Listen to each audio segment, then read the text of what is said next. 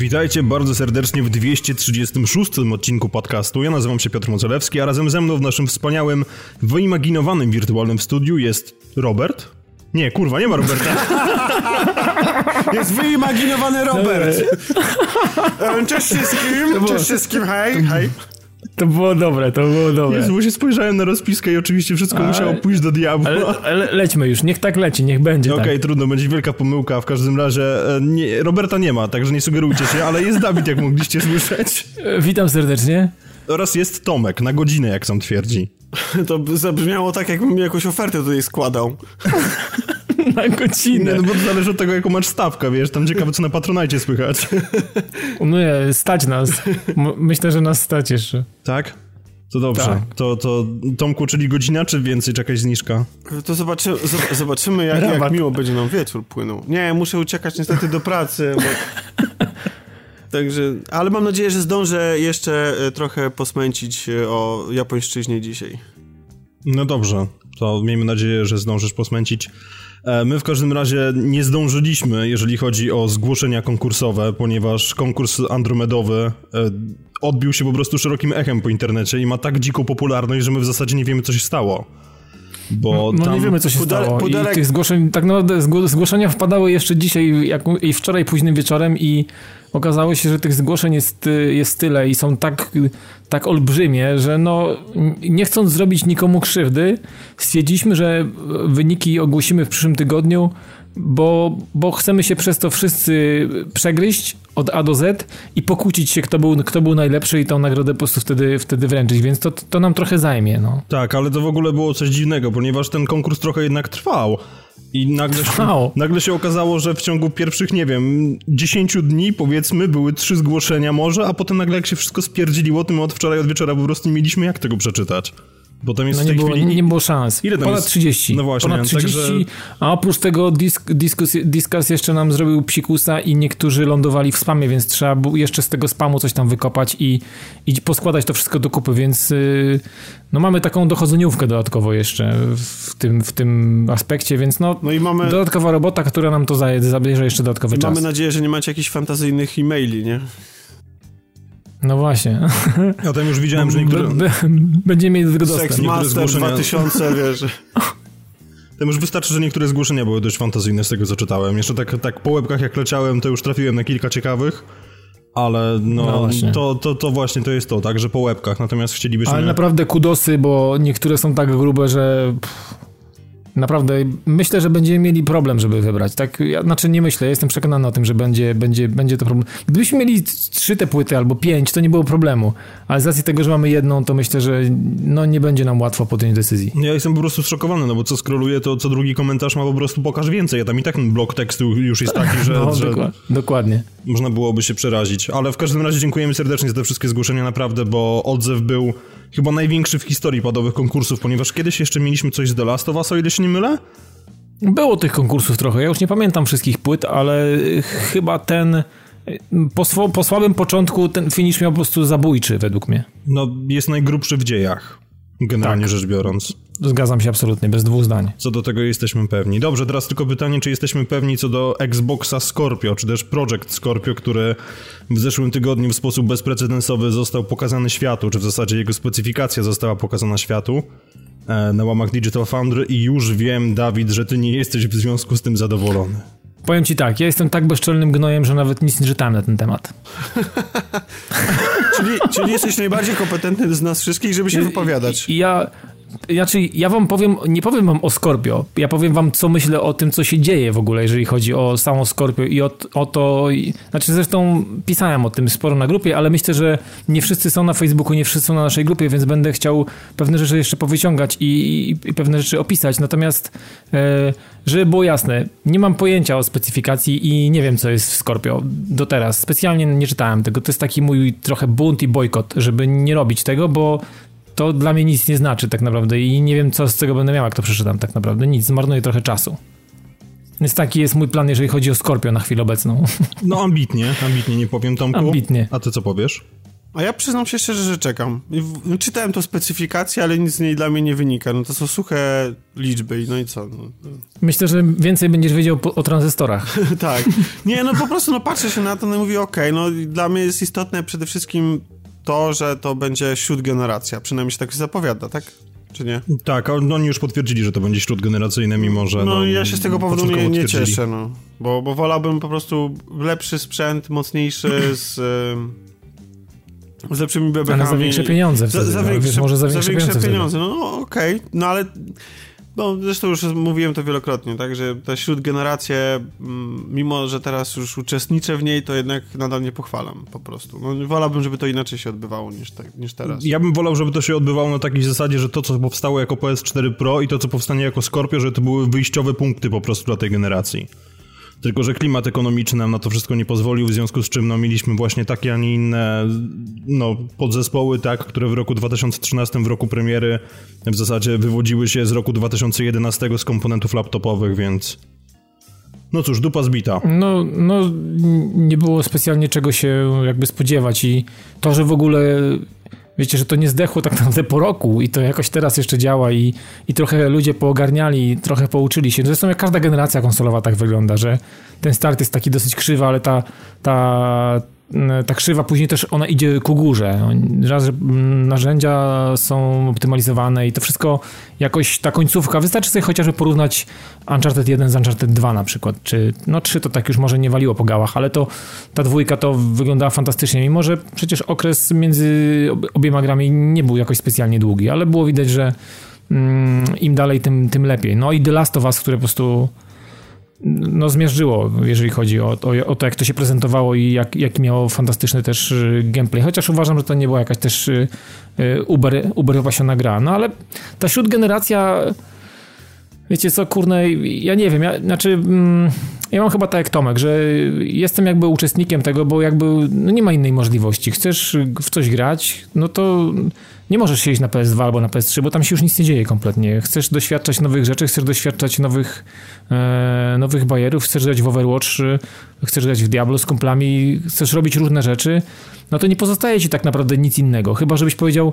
w takim razie pieprzę całkowicie gry i nie gram w to, to wtedy jesteś jakby wolny, jesteś jakby zwolniony z tego obowiązku e, w jakiś sposób podążania do sklepu i kupowania kolejnych e, mm, kolejnych aparatur do, do swojej growej rozgrywki, nie? Ale mm, no, cóż możemy zrobić tak naprawdę? Mamy, Tomek, e, szczerze powiedziawszy, mamy dwa wyjścia możemy tkwić, tkwić w tym, w czym tkwimy i jakby godzić się na, w, pewnym, w pewnym sensie na, na to, jaki los nas spotkał, albo całkowicie to olać, co uważam, że no jeszcze, jeszcze chyba nie czas na to, nie? No można zawsze się ja przesiąść na pecety, nie? Po prostu i mieć ciągle wśród generacji. Nie, nie, nie. Tego, tego, to na pewno, tego na pewno nigdy nie zrobię. No, nie no, jeżeli chodzi o gry wideo. Każdy, każdy tam, wiesz, wybiera sobie sprzęt według własnych potrzeb i wymagań. Nie, no oczywiście, tego, że tak. Jak komuś, Natomiast... jak komuś się tam potrzeba jest wymieniać co roku bebechy i mieć coraz mocniejsze, no to spoko.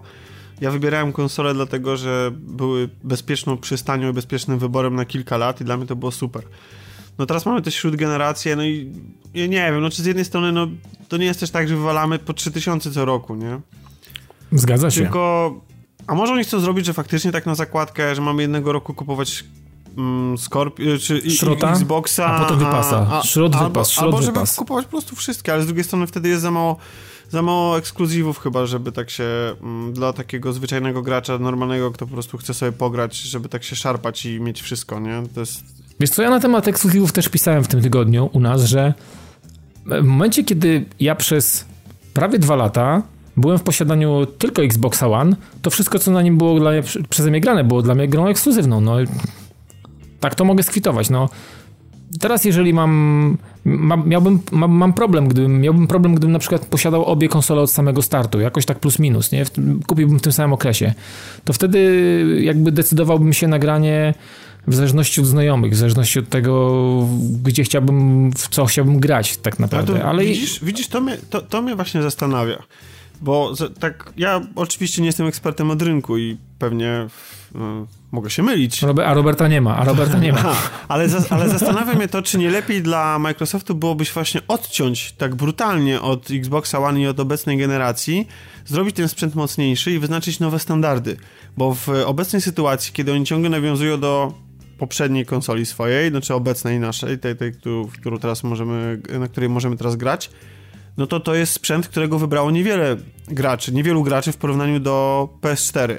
I teraz... No dobrze, ale, teraz, Tomek, ale, ale co zrobisz z deweloperami? No, Okej, okay, no. ale teraz zobacz... Um, teraz zobacz, wprowadzając taki sprzęt, który jest kontynuacją tego, to nie wiem, czy ludzie się tak rzucą tylko dlatego, że to jest mocniejszy sprzęt, żeby się nagle zmieniać platformę w środku generacji, no bo w końcu to jakby niby to ciągle jest kontynuacja, tak? Kiedy wszyscy znajomi siedzą na PSN-ie, kiedy w Overwatcha, nie wiem, czy wszystkie inne sieciowe, w Call of Duty i tak dalej, wszyscy teraz grają w to na PSN-ie i co teraz nagle się wszyscy przesiądą na Xboxa? Tylko dlatego, że ma mocniejsze bebechy? Bo, bo wiesz, bo upgrade z PS4 do PS4 Pro wydaje się łatwiejszą decyzją, bo de facto nic się nie zmienia. Twoja biblioteka gier jest e, taka sama, masz wszystkich swoich znajomych i tylko po prostu dostajesz mocniejszy, mocniejszy sprzęt. Pytanie, czy właśnie mhm. tkwiąc w tej generacji, którą jak na razie Xbox przegrał z Kretesem, niestety, yy, z Sony, no to nie wiem, czy dla nich jest po prostu ten, jest sens, no i czy ludzie się skuszą. No, ja oczywiście mogę się mylić, może się okazać, że dla ludzi jest to tak bardzo istotne, tak? I nagle wszyscy przyrzucą się na Xboxa i, porzucą Sony i będziemy, będą teraz wszyscy grali na Xboxie, ale jakoś tak nie wydaje mi się. No nie wiem, NPD twierdzi, że z racji tego, że wychodzi Scorpio, to Xbox ma szansę wyprzedzić PS4 w Stanach. No nie przecież, wiem, ile przecież, w tym jest przecież, prawdy. Przecież ta przepaść jest jakaś gigantyczna, jeśli chodzi o sprzedaż, nie? No jest dość duża, tak. Ja dokładnie teraz nie wiem, jakie to są liczby, ale pamiętam, że na jakimś etapie to były po prostu dwie sprzedane PS4 były... na, każdą, na każdego Xbox One. To, to są bańki grube, no na pewno. No i plus wyszło teraz Pro, no nie wiem. No nie wiem, no czy oczywiście każdej konsoli życzę jak najlepiej, ale no z, z, zobaczymy. No ja sam, tak jak mówiłem, wolałbym po prostu nową generację i tyle. Tylko widzisz, no ja tak zastanawiałem się, nowa generacja i teraz czy Scorpio, Scorpio wiadomo, że już nie będzie tą nową generacją. Czym, czym według ciebie, nie wiem, musiałaby się charakteryzować, charakteryzować taka nowa generacja? Bo ja, ja tak szczerze powiedziawszy zastanawiałem się, e, czy, czego ja bym chciał tak naprawdę. Nawet od takiego Scorpio, ja nie wiem, czego, czego ja bym chciał od takiego Scorpio. Bo PS, to PS4 Pro, no to wiadomo, tam trochę lepsza rozdziałka, ale to jakby kręcimy się, jakby to jest ten sam mniej więcej garnek, nie? Ale teraz y, Scorpio albo, albo, albo następcy w ogóle Scorpio i w ogóle PS4 Pro i wychodzimy w ogóle, wchodzimy w następny, w następny świat, bo... Mm, takich przełomowych rozwiązań w świecie konsol ja niespecjalnie jakby widzę miejsce. Nie wiem, czego musielibyśmy doświadczać. Mamy streaming, mamy możliwość dzielenia się jakimiś głupotami na mediach społecznościowych, mamy możliwość e, wrócenia do gry po wyłączeniu konsoli, czy mamy, mamy jakiś tam multitasking i tak dalej. Xbox One w tej chwili niemalże przypomina Windowsa, Windowsa system operacyjnym 10, znaczy komputer system operacyjny Windows 10 i szczerze powiedziawszy yy, ja nie wiem, ja nie wiem, czy ja bym chciał, żeby mój, mój Xbox One albo jego nas, znaczy następca Xboxa One, czy tam PS4, ja nie wiem, co ja bym chciał, żeby on robił jeszcze więcej. Macie jakieś takie marzenia, macie jakieś takie, macie jakieś takie potrzebę czegoś, oprócz oczywiście parametrów i jakby wyższych rozdzielczości i i jakby tych aspektów, no bo to wiadomo, to, to, to, nigdy nie będzie w inną stronę, to zawsze, zawsze będzie szło do góry. Ja mam. No? Ja mam. Dajesz. Że wychodzi konsola, na który odpalam tytuł startowy, który powoduje mi opacz szczęki totalny, tego jak to wygląda, jak to się rusza, a w ciągu roku dostaję tytuł ekskluzywny, który niezależnie od tego, czy jest nową marką, czy wznowioną, ale jest, y, wykorzystuje możliwości nowej architektury, tej mocy, nie tylko w kwestii grafiki, ale prezentuje mi też nowe rozwiązania gameplayowe, albo te, które już znam, rozbudowuje tak bardzo, że jestem pod totalnym wrażeniem i czuję, że to jest, że gry się, te gry AAA, te potężne gry się rozwinęły. Tak, tego, te, takie mam marzenie, że wychodzi Halo 6, które się okazuje, nie wiem czym, ale jest tym, że zawsze tego pragnąłem. Okay. Po prostu. To poczekaj, poczekaj na jakieś nowe gry Kojimy, bo z tego co pamiętam, to on kilka lat temu mówił, że mu się marzy gra idealna, w której byłaby sytuacja taka, że zasadzasz drzewo, wracasz do miejscówki po roku i ono wyrasta. Yy, chciałem powiedzieć, że a w Zeldzie... Takie, że są w Zeldzie. A w Zeldzie... no Jezu, nie. W Zeldzie Okarina, okay. w Okarynie czasu można było zasadzić drzewo, a potem przenosząc się w czasie, bo tam można podróżować pomiędzy różnymi płaszczyznami, yy, tymi yy, płaszczyznami czasowymi, tak? Dobrze? Dobrze. E, no, no, tak, no generalnie jakkolwiek. można podróżować w czasie, to na przykład to drzewo może urosnąć, nie? No to takie, sam, takie same bariery i takie same myki robił Double Fine w Costume Questie bodajże pierwszym.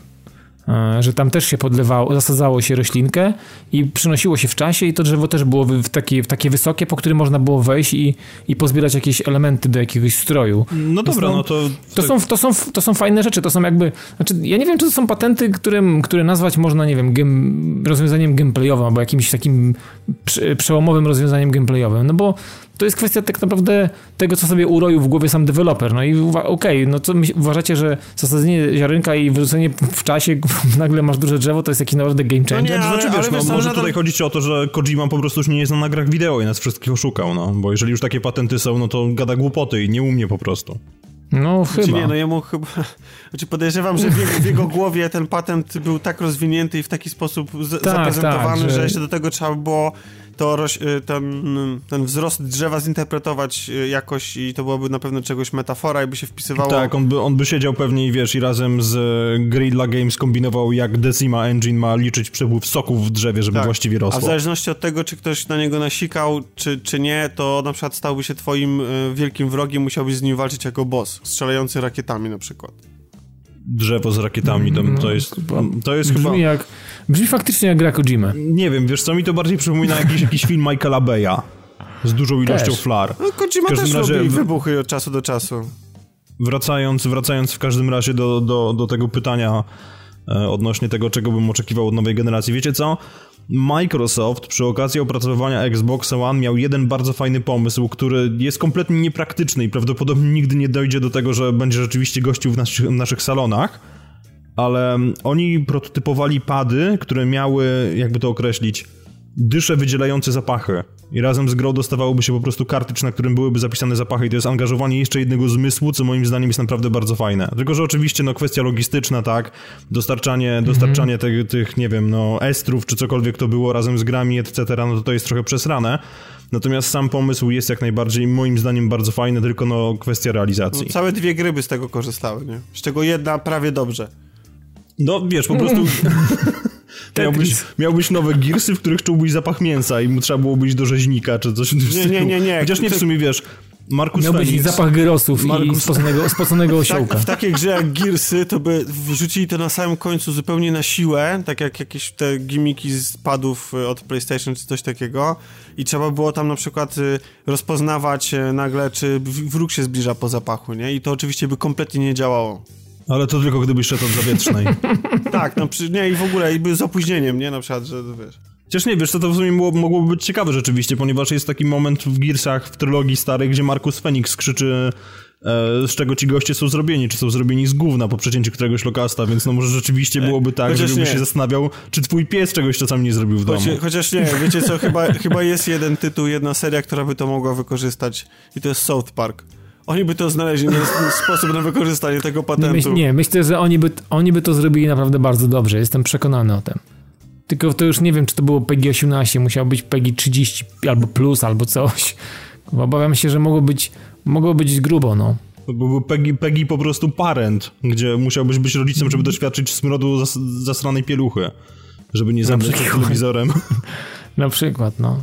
Są takie no rzeczy. ja tak naprawdę serio nie wiem. Znaczy, może, może jestem, może nie mam takiego umysłu, który jest w stanie mm, wymyślać sobie takie rzeczy. Cieszę się każdą, tak naprawdę każdym jakby takim skokiem, jakimś takim krokiem. Ale Dawid. Rzeczami, które wprowadził Xbox One, które wprowadza PS4, ale nawet, ale nie mam, nie jestem na tyle kreatywny, żeby stwierdzić, że mm, chciałbym, żeby następca miał coś takiego albo coś takiego. Ja nie wiem, może, może przyniosą takie rzeczy, może, może dostarczą takie rzeczy, które będą faktycznie w jakiś sposób ciekawe. Natomiast na chwilę obecną wydaje mi się, że ta wsteczna kompatybilność będzie jakby tym najistotniejszym elementem, bo mm, zbudowanie y, znaczy wiadomo, że z tymi ekskluzywami już jest, jest bardzo biednie, a w przypadku Microsoftu można powiedzieć, że ich w ogóle nie ma. Ja w żadnego nie grałem. Chyba. Nie, znaczy, no, na pewno. ich tam jest, już nie przesadzajmy. Ale w żadnego nie grałem. Nie, to znaczy generalnie dla mnie ich nie ma. Ja widać ewidentnie, że jeżeli chodzi o ekskluzywy Microsoftu, to to jest absolutnie nie mój świat. Ale, ale wracając jakby do, e, do meritum, że e, Microsoft, wydaje mi się, że on, on ma też świadomość tego, że z, z tymi tytułami ekskluzywnymi mimo że one były, to i tak dał mocno, bardzo mocno ciała i na chwilę obecną będzie próbował budować portfolio i, i, i bibliotekę gier w oparciu o, o poprzednie aż tak naprawdę może nawet można za chwilę powiedzieć, że dwie generacje, albo tą jedną generacyjną i, i jeszcze 360, więc będzie tam faktycznie potężna biblioteka gier w ramach jeszcze tego do abonamentu tego pas, jakoś tam się to ma nazywać, więc y, będzie dostęp do jakiejś przepasnej ilości gier, ale tak naprawdę przypudruje tym całym, tym całym syfem, tymi starociami, yy, to na co tak szczerze powiedziawszy, ja chyba bym sobie najchętniej ostrzył zęby, czyli na, na nowe rzeczy, na faktycznie nowe tytuły, na jakieś takie nowe, yy, nowe gameplayowo rzeczy, których myślę, że też będzie jak na lekarstwo. Jest, takie mam przeczucia. No nie wiem, może, może się mylę, ale nie widzę jakby specjalnie, żeby Microsoft do tego jakby przykładał jakąś wagę, no. Bo Gyrosy ok, no jak ktoś jest fanem i grał od zawsze, no to tutaj czegokolwiek by mu się nie podało, to on nadal będzie uważał, że ma e, fantastyczny schabowy na srebrnej tacy na przykład, ale ja, ja tak na przykład nie mam. E, jeżeli chodzi o Halo, to tak samo, to jest mi całkowicie obcy świat i dla kogoś, kto chce wejść w to, no to wydaje mi się, że ta gra niczego nie oferuje, tak naprawdę, szczerze powiedziawszy. Nie ma nic do zaoferowania sensownego, jeżeli chodzi o, o, o ludzi nowych e, w, w, jakby w świecie Microsoftu. Znaczy, Microsoft nie oferuje specjalnie nowym. I myślę, że tu jest duży problem. I ta słaba sprzedaż też po części z tego wynika. Microsoft nie ma do zaoferowania nowym osobnikom przychodzącym do tego obozu, do tego, do tego ekosystemu nic ciekawego. I ja to, ja to potwierdzam, mimo że uwielbiam Xbox One, uwielbiam na nim grać i to jest nadal moja główna konsola i nie zmienię tego, choćby nie wiem co się stało. Lubię też grać na PS4, ale konkretne tytuły. Mm, natomiast Microsoft nie zaproponował mi nic, co, co naprawdę yy, spowodowałoby opatrzenie, o którym ty mówiłeś. No. I myślę, że to jest duży też problem Microsoftu. Wiesz co, y, jeszcze a propos idealnej nowej generacji, czy czego, tego, czego bym oczekiwał od sprzętu, to właśnie dostarczyło mi to Nintendo, bo ja mm, już opadł kurz po premierze Switcha, już te pierwsze emocje też opadły, już można spojrzeć na tą premierę i na ten sprzęt trzeźwo i patrząc zupełnie trzeźwo po skończeniu Zeldy i zabierając się tam za personę na, na, na, mhm. na PS4 strasznie bym chciał, żeby żeby, żeby któraś z przyszłych konsol była skonstruowana w taki sposób, jak jest Switch skonstruowany. Żeby można było upchnąć tą moc, którą mają duże konsole i moc, móc ją ze sobą zabrać.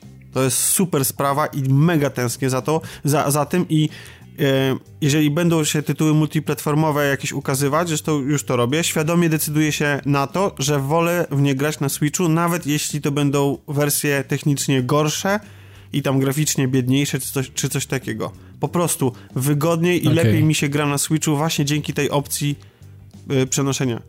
I, i, te, i tej, tej znaczy wygrywa, rozumiem, że wygrywa dla ciebie to, że możesz y, w każdy, znaczy zawsze możesz zabrać grę ze sobą. Tak o to chodzi, też, rozumiem, tak? Ale, że ale możesz też być to, wszędzie. że sposób, w jaki sposób ja usypiał tą konsolę, że usypiam ją tak jak zwykły tablet, to, że mogę ją wzbudzić,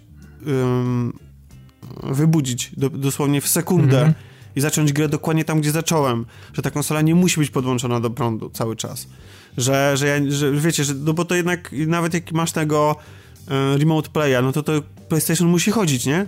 Nie, mo, nie możesz. No, no tak, ono musi, no, nie ma innej no, no więc jak chcesz sobie wyjść, albo nawet w domu, no to ono musi być cały czas uruchomione. Tutaj nie. Tu... To znaczy nie, no nie, nie, nie, nie musi być uruchomiony cały czas, bo jest ten tryb standby, który tam ci ciągnie jakieś śmieszne ilości prądu i możesz zdalnie ją wybudzać. No, no, no tak, tak, ale jeżeli chcesz grać, to ona się automatycznie włączy, tak. no. Musi się włączyć. Nawet... No tak, włączy się jak najbardziej, no a potem się wyłączy, tak? No to siłą rzeczy. No, no, no tak, tak, ale to tak, nadal tak, jest, wiecie, uruchamianie potężnej maszyny w domu stojącej, jak chcę na przykład pograć sobie, jadę na weekend gdzieś tam i zabieram konsolę, no że załóżmy Vita i chcę sobie pograć zdalnie i tam załóżmy mam dostęp do netu, no to ona się musi tutaj u mnie w domu bez mojej wiedzy, bez niczego uruchomić, nie? No, I boisz się, że spłonie. No nie, nie wiem, no ale wiesz, no to zawsze jest mniej komfortowa sytuacja niż taka, że masz zabierasz coś, co działa jak tablet.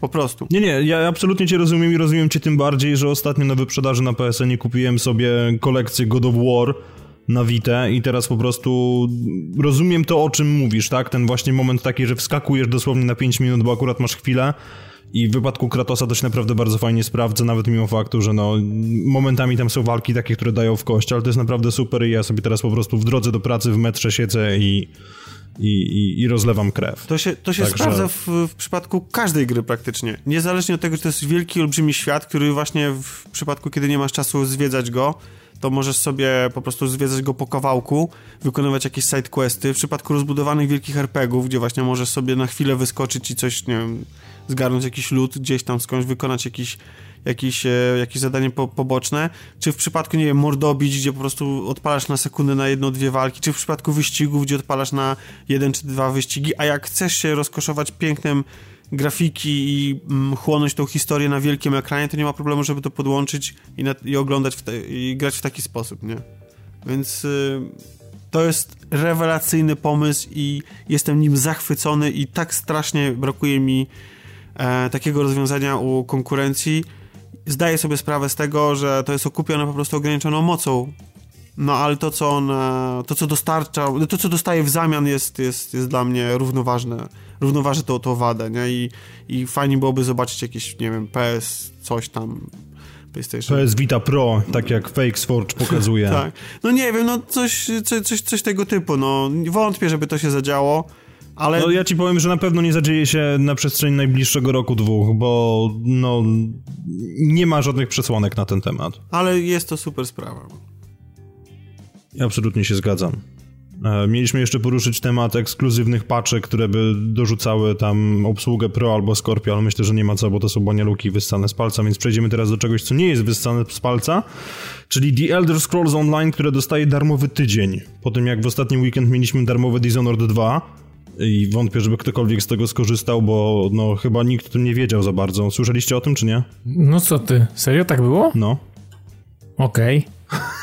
Hashtag zaorane, nic o tym A nie co, wiem. Dishonored no to... 2 dostał demo, czy to było darmowy tydzień? Nie, Dishonored 2 przez weekend można było grać sobie, po prostu pobrać sobie grę i nie wiem, no chyba było 4 albo 5 misji, coś takiego, nie pamiętam dokładnie to, ile tam bo było. Bo ja sobie to ale... pobrałem, to, to było czasowe tylko? Tak, to było czasowe tylko. Mm.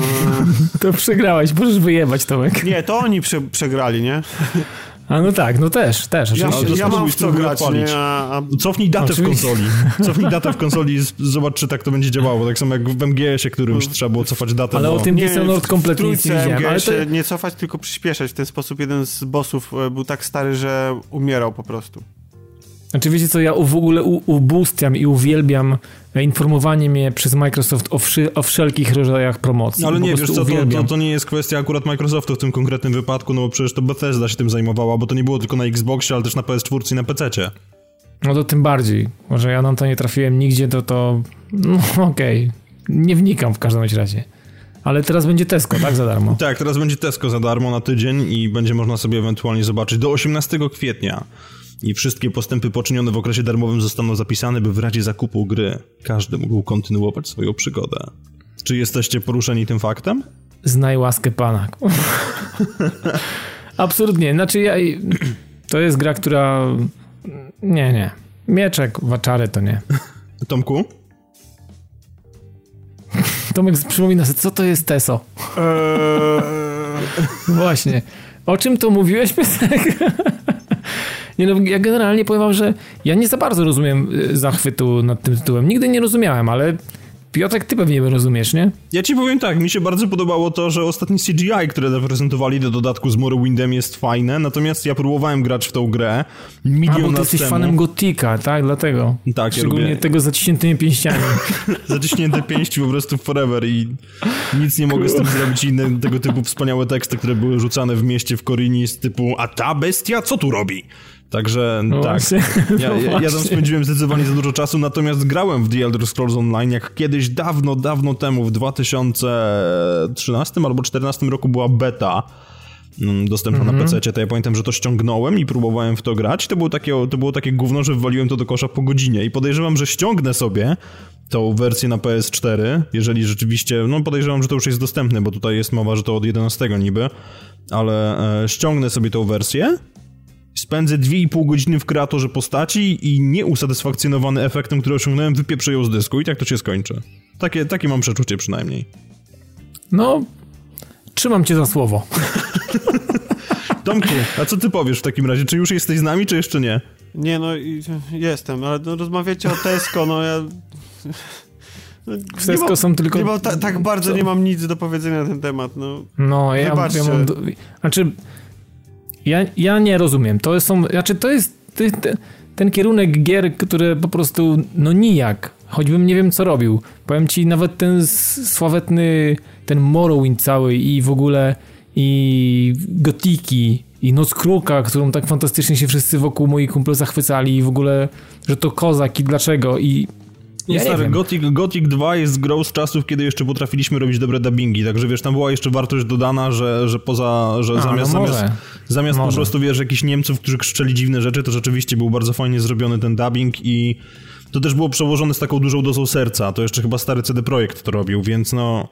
To, okay. to, była gra, która była w bardzo profesjonalny i fajny sposób zlokalizowana, więc może też to jakby działało, tak? Bo wszystkie gagi i tak dalej to zostało po prostu sam kontekst kulturowy został bardzo fajnie przerzucony. Natomiast no sama gra, jeżeli chodzi o mechanikę, no to wiadomo, no na chwilę obecną to jest archaizm i kubeł taki do kwadratu już zaciśnięty no, pięści ja... to oczywiście klasyk. no dokładnie. Ale wiesz co, mówiłeś ten e, element taki e, dobrego tłumaczenia i, i ten, ten aspekt kulturowy. Wiecie co, ostatnio byłem u siebie na strychu i szukałem po pudło jakichś dziwnych rzeczy i trafiłem na pudło, w którym mam pochowane stare pecetowskie gry i wiecie co, na, to, na co trafiłem? W zajebiste wydania mam, nawet nie pamiętałem, że mam. E, wszystkie stalkery z mapami w ogóle i tak dalej. I jak ja sobie przypominam Jerzego Uttę, który tam fantastycznie czyta to, co się dzieje po rosyjsku, to nie wiem, nie wiem czy ktoś z was grał. Pewnie wszyscy graliśmy tak naprawdę, jeżeli chodzi o Stalkera. No nie, wydaje mi się, że nie ma na, na świecie człowieka, który o tej grze nie słyszał. To to tam absolutnie, jeżeli chodzi to o, te, o, te, o te kulturowe tematy, to to mnie tam absolutnie mierzyło. No i Jerzy Utta jako ten właśnie nie tyle dubbingujący, co czytający generalnie, tłumaczący to, co oni mówią po rosyjsku, to było dla mnie wtedy coś, coś to był wypas chyba. Ale takie testo właśnie jakoś nie Czy, nie czy w metro tak nie było, że był... Nie, Jerzy Utta nie Ale był nie, nie, chodzi mi o... E, a, wiem, gdzie był ten, gdzie był lektor. E, lektor był w e, to już mówiliśmy. Lektor był we wszystkich grach e, kupionych od kolegów tak, ze złotymi zębami tak. w Poznaniu na bazarach. Nawet jeżeli wydawca nie, da, nie, nie, miał polskiej wersji. Pamiętam taką grę Submarine Titans, ja chyba o tym mówiłem. Budowa tak. łodzi skończona. Acknowledge. Affirmative. Budowa... No to, to, to, to, po prostu, to były wersje, to, to był dubbing. Submarine Titans w ogóle było świetną grą, no ale to już jest... Zajebistą, tak. To już tak, jest inna tak. kwestia. Natomiast wiecie, co do TESO, to jeszcze na forum, ja bym nie chciał nawet, abstrahując od tego, jakiej jakości jest sama gra, tak, to ja bym nie chciał, żeby oni się zajmowali w jakiejkolwiek formie dubbingiem tej gry, bo tam oryginalna obsada jest taka, że to byłby grzech po prostu, żeby oni cokolwiek zmieniali, bo tak, żeby rzucić kilka nazwisk, Kate Beckinsale, czyli no tak, aktorka Hollywood, e, Alfred Molina, Michael Gambon, Tara Strong, Malcolm McDowell z Mechanicznej Pomarańczy, Troy Baker, John Cleese, tam po prostu były osadzone takie głosy, że no to ja sobie nie wyobrażam, żeby oni to zlokalizowali, no bo co by było? Z dobrych osób byłby Boberek, Frączewski, e, Baka, Gruszka. powiedzmy. Gruszka i jak ona się nazywała, ta co gra naszą e, Tomb Raider ostatnio? No to Karolina Gruszka. A Gruszka? No to Gruszka, dobrze mówię. Ale jeszcze, jeszcze koleś, Boże, który był e, Joelem w The Last of Us. Teraz oczywiście sobie nie przypomnę, jak on się nazywał. Ja też nie.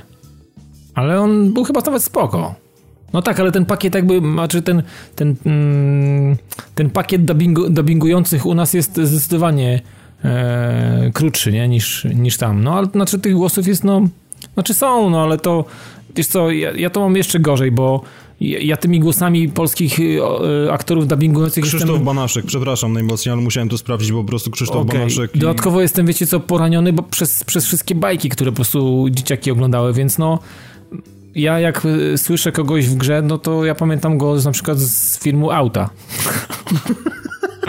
ja nie mam innych koneksji, nie? Ja po prostu polski aktor dubbingowy w grze wideo poważna produkcja, poważny tytuł, a ja mam skojarzenie na przykład, wiesz, z jakimś konkretnym filmem animowanym, więc no, no, no, nie ma ich za dużo, więc oni po prostu jak są, to już są wszędzie i po prostu masz po, potem taki no dziwny tak, jakiś, tak, wiesz, ale wiesz, no poza tym jeszcze są takie, są poza tym jeszcze takie problemy, że jednak o ile... Mm, o ile głosy naprawdę mamy, mamy bardzo spoko, no bo właśnie to, o czym wspomniałeś, tak, czyli cały jakby rynek dubbingu bajek u nas naprawdę kwitnie mm -hmm. i w momencie, kiedy tak, się idzie tak, do, do, tak. do, kina na jakąkolwiek animację pixarowską, no to bardzo często się jednak idzie na wersję dubbingowaną, tak, no bo tłumacze odwalają naprawdę fantastyczną robotę. Natomiast w grach wideo bardzo często się zdarza, że jednak ta robota nie jest odwalona tak dobrze i właśnie też tutaj jest problem, problem no, polegający na tym, że albo się silą na coś, albo, albo jest niewystarczający wysiłek i właśnie Banaszyk, no jak dla mnie odwala naprawdę fantastyczną robotę, ale potem odpalasz pierwsze Infamous, co fakt faktem było kilka lat temu ładnych, ale w momencie, kiedy biegasz po mieście po prostu i twój superbohater mówi moje, a nie wiem, co teraz powinienem zrobić. A ona mu odpowiada, dobrze, Kol, idź na dach. I po prostu, no, można się no załamać. Tak, tak, wiadomo. To wtedy bolą cię wszystkie kręgi i stawy, no. To czujesz po prostu, jak wiesz, jak płyn rdzeniowo-mózgowy ci się wylewa, bo to no, z automatu. To się zgadza. Dobrze, ale a propos dubbingowanych rzeczy, podejrzewam, że to zostanie zdubbingowane i podejrzewam, że ty, Musi. ty będziesz grał, Dawid, to no jest Uncharted, bo, bo, The Lost no Legacy. ja nie jestem fanem czarnulek, ale ta jest czarnula naprawdę Najlepsza czarnula w grach wideo, jaką, jaką widziałem w ogóle ever. Ale jak to, mhm. jak to czarnulek, w sensie... No czarna, brunetka. A co ty myślałeś, że mi chodzi o kolor no, skóry? Nie, nie kolor skóry no. jest obojętny. Kolor skóry jest mi obojętny, absolutnie. Czyli Ale włosy Chloe. już, w, włosy już nie. Team Chloe, rozumiem. tak, ja jestem Team Chloe po prostu i od Uncharted 2 po prostu no nie ma szans, żeby ona, żeby, żeby, nie wiem, no, nie wiem, co musiało się stać z Eleną, żeby ja się złamał w jej stronie, mimo że ona jest blondynką, więc no jest mi jakby po drodze z nią. Natomiast Chloe to jest po prostu kobieta, no. No nie wiem, ja jej nie lubię i bardzo mi się nie podoba to co, to, co twórcy zrobili z jej twarzą, bo w dwójce wyglądała spoko, w trójce już były pewne oznaki tego, że to idzie w złym kierunku, no ale te The Lost Legacy i to, co się dzieje z jej facjatą, to to jest po prostu coś strasznego. No ja, Trochę jak Serena Williams, Ja no. właśnie nie... Ja właśnie nie podzielam tego zdania. Wydaje mi się, że ona wcale... Znaczy nie, wydaje mi się, że... Nie, ona wygląda dobrze według no, mnie. Wygląda okay. znaczy, że ona, ona wygląda, nadal wygląda dobrze. Ona wygląda technicznie dobrze, natomiast no pod samym kątem tego, co się stało, no to tak jakby... Ale wiesz co, no może to jest taki akurat, y, nie wiem, bo ty mówisz o tym konkretnym jednym zdjęciu, tak? Ale... Ja, ja nie mówię wiem, o zdjęciu, by... które się na mnie patrzy, które jest wklejone do rozpiski. ja wiem, wiem, ale ja też na nie patrzę i tak powiem ci, trochę jakbym miała bajzel w oczach, ale poza tym bajzel w oczach. klamka jest ok, wszystko jest ok, wisiory ma ok, włosy ma ok. Wisiory ma ok, no. przepraszam, ty mówisz, że o naszyjnikach na szyi, tak? Tak. Okej, okay, dobra, to ja chciałem...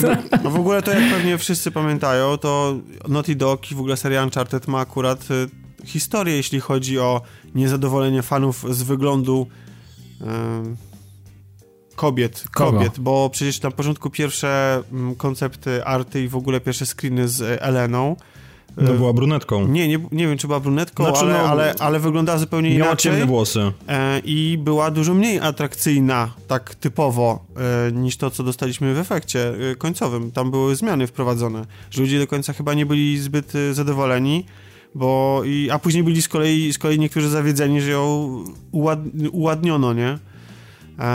Ja na przykład jestem team Elena, bo po prostu, bo uważam, że, on, no to, że oni widzisz, do siebie no pasują jest... po prostu, że to są stworzeni dla siebie ludzie, nie? Jeśli chodzi to o tu jest, tu jest dwóch na jednego tylko i wyłącznie w naszym podcaście. Jeżeli chodzi o ogólnie krajobraz podcastowy Polski, to wiem jeszcze, że Piotrek Kuldana, którego serdecznie pozdrawiam, też jest Team Elena, więc no Przegrałem. Dawid, przegrałeś, zdecydowanie. 3 do, 3 do 1, wie, nie mam szans. A to w ogóle... jeszcze jak Robert, nie pamiętam jak jest Robert jeszcze u Roberta, mam chyba też Elena. Ja też nie pamiętam, ale Robert podobno jest w tym podcaście, ja tak powiedziałem, więc...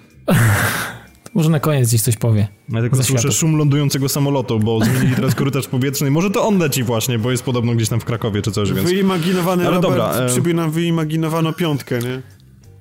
Znaczy, ale powiem wam, że samo Legacy, ja jestem zainteresowany generalnie. Czwórka, można powiedzieć, jest dobrą, poprawną produkcją. To jest naprawdę fajna gra, trochę może za dużo strzelania i zabrakło mi takiego Indiana Jonesa, natomiast y, jestem ciekawy tego y, Last Legacy. No, wygląda, że to będzie coś solidnego. Mam takie przeczucia, że to mogę się nie, mogę się nie zawieść, no, takie mam wrażenie. To znaczy, wiesz co, ja się generalnie rzecz biorąc nie boję za bardzo tego, tego rozszerzenia. Ja wiem, że je kupię i że będę w nie grał i że będę się dobrze bawił, szczególnie, że mhm. ma one trwać 10 godzin według tych doniesień, które ostatnio wypłynęły, czyli no to jest dwa razy dłużej niż ostatnie Call of Duty, podejrzewam. W, w no, formie, w formie DLC. Natomiast ja się trochę boję tego, co dalej będzie z tą marką, ponieważ oni dość wyraźnie powiedzieli tak, że czwórka to jest po prostu koniec, teraz się robi jakieś DLC i ja się obawiam, że Sony może wpaść na genialny pomysł, że hej, skoro Naughty Dog teraz będzie robiło dla nas nowe IP, to może my odpalimy te IP, w sensie Uncharted, jakiemuś innemu studiu. I oni po prostu, to się potoczy tak jak Andromeda, że się zrobi z tego Androbieda i potem będą to naprawiali, o ile będzie w ogóle cokolwiek co naprawiać, no bo trzeba powiedzieć, że Uncharted jednak jest grą taką, no najwyższych lotów.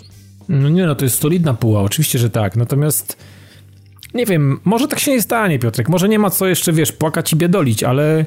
E, ale obyś, ja, obyś nie miał racji, bo Hugo wie to tam, co oni, wiesz, na co wpadną, co im przyjdzie do łba. Natomiast wydaje mi się, że to, są, to jest taka marka, którą winno się zostawić w pewnym momencie w spokoju i tak naprawdę nie robić jej niczego. I, i, i niech ona sobie stoi na tym piedestale, niech ona po prostu, wiesz, E, jest na tym podium, czy to za konkretny okres, takie przeciąganie przez zęby co generację, co śród generacji i takie, wiesz, e, piłowanie, ja wiem, to są pieniądze, to są słupki, to są wykresy, nad tym myślą same mądre głowy. Natomiast e, dla takiego świętego spokoju, dla takiego zdrowa psychicznego ja bym naprawdę zostawił ten Uncharted. Jeżeli ktoś nie zna Uncharted, to sobie zrobi 1.4 i będzie tak ukontentowany, że nawet nie pomyśli o kolejnych rzeczach, jeżeli chodzi o Uncharted. Mm, Ale I... z drugiej strony tutaj się zmienia bohater po raz pierwszy serii. E, zmienia się też e, sposób, znaczy gameplay, tak? Bo ma być teraz bardziej skradankowy, nie ma być tego tyle tego skakania i wspinania i tak dalej. Ja na przykład, znaczy Naughty Dog moim zdaniem odpowiada za jeden z najgenialniejszych dodatków w historii gier ever i w ogóle jest za jeden z najwybitniejszych kawałków kodu. Czyżbyś mówił o Left Behind? Tak. Uważam, że to jest y, arcydzieło ja osobiście oceniam ten y, dodatek na 11 na 10, zupełnie szczerze. A to... Ja tego nie... Ja, ja to mam jeszcze przed sobą. To, da, ale wiesz co, szczerze, ja nie pamiętam tego dodatku. Ja pamiętam, że go ogrywałem razem z remasterem, ale on mi jakoś kompletnie nie zapadł w pamięć. Jest tam sekwencja pod koniec, y, która, która może świadczyć przeciwko tej ocenie bo jest czymś niezrozumiałym dla mnie i nie wiem dlaczego się znalazła w tym dodatku. Znaczy wiem dlaczego się znalazła, ale naprawdę, że ktoś nie miał ja i nie powiedział hej, nie róbmy tego, ale wszystko to, co się dzieje przed, jest tak zajebiste, a zwłaszcza mm, fantastyczna sekwencja e, grania na automacie. To tam nie będę spoilował, ale to, co ona robi, to na ilu płaszczyznach się ta gra w tym momencie rozgrywa, to jak fantastycznie można ją interpretować, odnosić do historii gier wideo w ogóle i do tego, czym, e, jaka wym, jaką wymowę ma ta scena wymowę dla tych postaci, wymowę mm, no, dla gier w ogóle, to jest ten moment, w którym e, The Last of Us wchodzi na e, wchodzi na, na tą półkę, gdzie stoi obywatel Kane, autentycznie. Że można nie lubić tej, tej gry, można nie lubić jej poszczególnych mechanik, sekwencja z automatem jest wybitna moim zdaniem. Po prostu. I wy... Mówisz nie oglądać na YouTubie, lepiej zagrać? Tak, bo znaczy znaczy tej konkretnej sekwencji, bo chciałbym wiedzieć o czym mówisz, ale... Okej, okay, nie, no. nie będę wnikał tak. specjalnie. Postaram sobie w jakiś sposób kiedyś to pewnie A, ogram. grałeś bo... The Last of Us? Skończyłeś? Tak, skończyłem na PS3, okay, ale nie, grałem, nie grałem w remastera i nie grałem w dodatek. No to mogę ci podrzucić, bo mam na płycie. O, no to bardzo chętnie, to bardzo chętnie to zrobię. Bo to naprawdę była dobra gra i myślę, że ten, ten dodatek y, przez jakiś czas chodził mi po głowie, no. No polecam, no to jest y, emocjonalny bardzo, w sensie wnosi wiele do, mm, do odbioru, do budowy postaci Eli i to jest ok. To, to, mhm. już samo to, moim zdaniem, dla, dla, dla samego tego faktu warto w niego zagrać. Plus właśnie te takie perełki dla mnie. Oczywiście nie każdemu się musi to podobać, ale ja to oceniam w ten sposób, że to jest, to jest coś, coś, co mną wstrząsnęło i w ogóle jestem pod ogromnym wrażeniem do tej pory. No dobra, no to zobaczymy w takim razie, jak sobie The Last Legacy poradzi. Chociaż no, z jednej strony ok, bo tutaj powiedziałem o tym, że się boję, że oni będą próbowali tą markę dalej przeciągnąć i tak dalej. Natomiast ja już miałem bardzo podobne odczucia przy Uncharted 3, który było robione przez jakiś tam Team B, bo ten Team A się zajmował właśnie robieniem The Last of Us i w sumie ta trójka mi tak dość mocno nie podeszła. Ona poza tym była z tego dziwnego okresu, kiedy Sony się upierało, żeby każda tak, gra miała 3D. I, tak. I właśnie ona wyglądała gorzej od dwójki na standardowych wyświetlaczach, więc no to był taki średnio ona, ona, produkt. Ona była fajna jako, jako i koncepcyjnie i tak dalej, zawartościowo, natomiast Yy, no faktycznie. Dupy, dupy gdzieś nie urwała po drodze. Nie urwało, nie, nie, nie, nie, nie. To, znaczy no solidna produkcja, to nie można powiedzieć, że nie. Natomiast yy, po dwójce, no miałem gorzki smak w ustach mimo wszystko po, po skończeniu trójki, a mając w głowie cały czas jakby dwójkę, nie? Więc no, faktycznie coś tam, coś tam nie zagrało. No, ale o, wszystkie trzymam na pewno splatynowane, więc no, nie robię tego przypadkowym grom. No coś, coś w tym jest. Zobaczymy w każdym razie jak wyjdzie ten dodatek. E, póki co daty premiery jeszcze nie ma, wiemy tylko, że później w tym roku, więc podejrzewam, że jakiś gameplay reveal. Pewnie tak, ale przy okazji gdzieś po drodze będzie jakiś gameplay reveal na E3, gdzie na sali się zrobi ciemno i nagle po prostu się odezwie. Tak jak w zeszłym tak. roku było, tak, że nie wiedzieliśmy o co tak. chodzi. Tak. Po, po ulicach Bo ona jakiegoś... szła w tym kapturze szła. Tak, tak, tak, tak, szła po ulicach po prostu jakiegoś rozerwanego wojną miasta na Bliskim Wschodzie i potem biła się z ludźmi po twarzy. Tak, Także to było dobre. Ale to, to było, dobre. To, to było, zaskakujące, tak. To było jak najbardziej to zaskakujące. Zaskakujące jest też to, że deweloperzy z Bioware się wzięli za naprawę Mass Effect Andromeda. Ja myślałem, że ten moment nigdy nie nadejdzie. Co prawda od premiery nie minęło aż tak strasznie dużo czasu, żeby, żeby porzucać wszelką nadzieję, ale do tego jest dużo.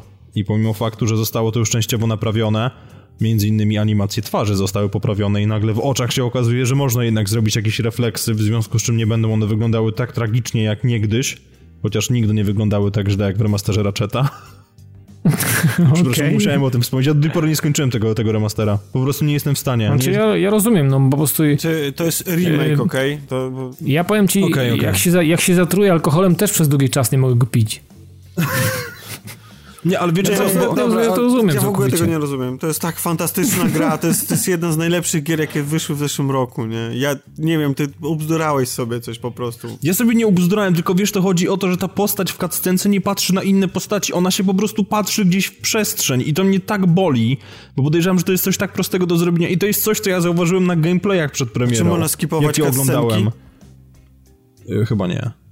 Właśnie nie pamiętam. może i można. Bo jak można... Nie wiem, no ale chciałbym się, wiesz, chciałbym się dowiedzieć, jak oni, jak oni remasterując, jak pociągnęli fabułę, tak? Chciałbym docenić ten kunszt voice aktora, który został zmieniony, bo w pierwszej części Ratcheta oryginalnie nie było Arnolda Taylora, tylko był kto inny. Więc no... To obejrzyj animację. To...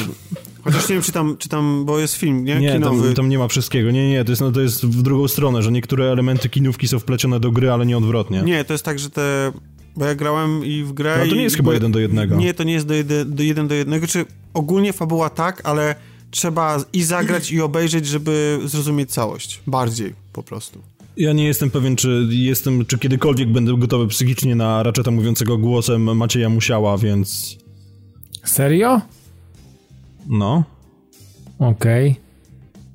Przynajmniej. To ja mówię nie. Jestem, jestem święcie przekonany, że tak było. Być może się mylę, ale jestem święcie przekonany, że na plakatach widziałem, że to właśnie on podkłada głos Ratchetowi i. No. No dobra. Chyba jednak nie.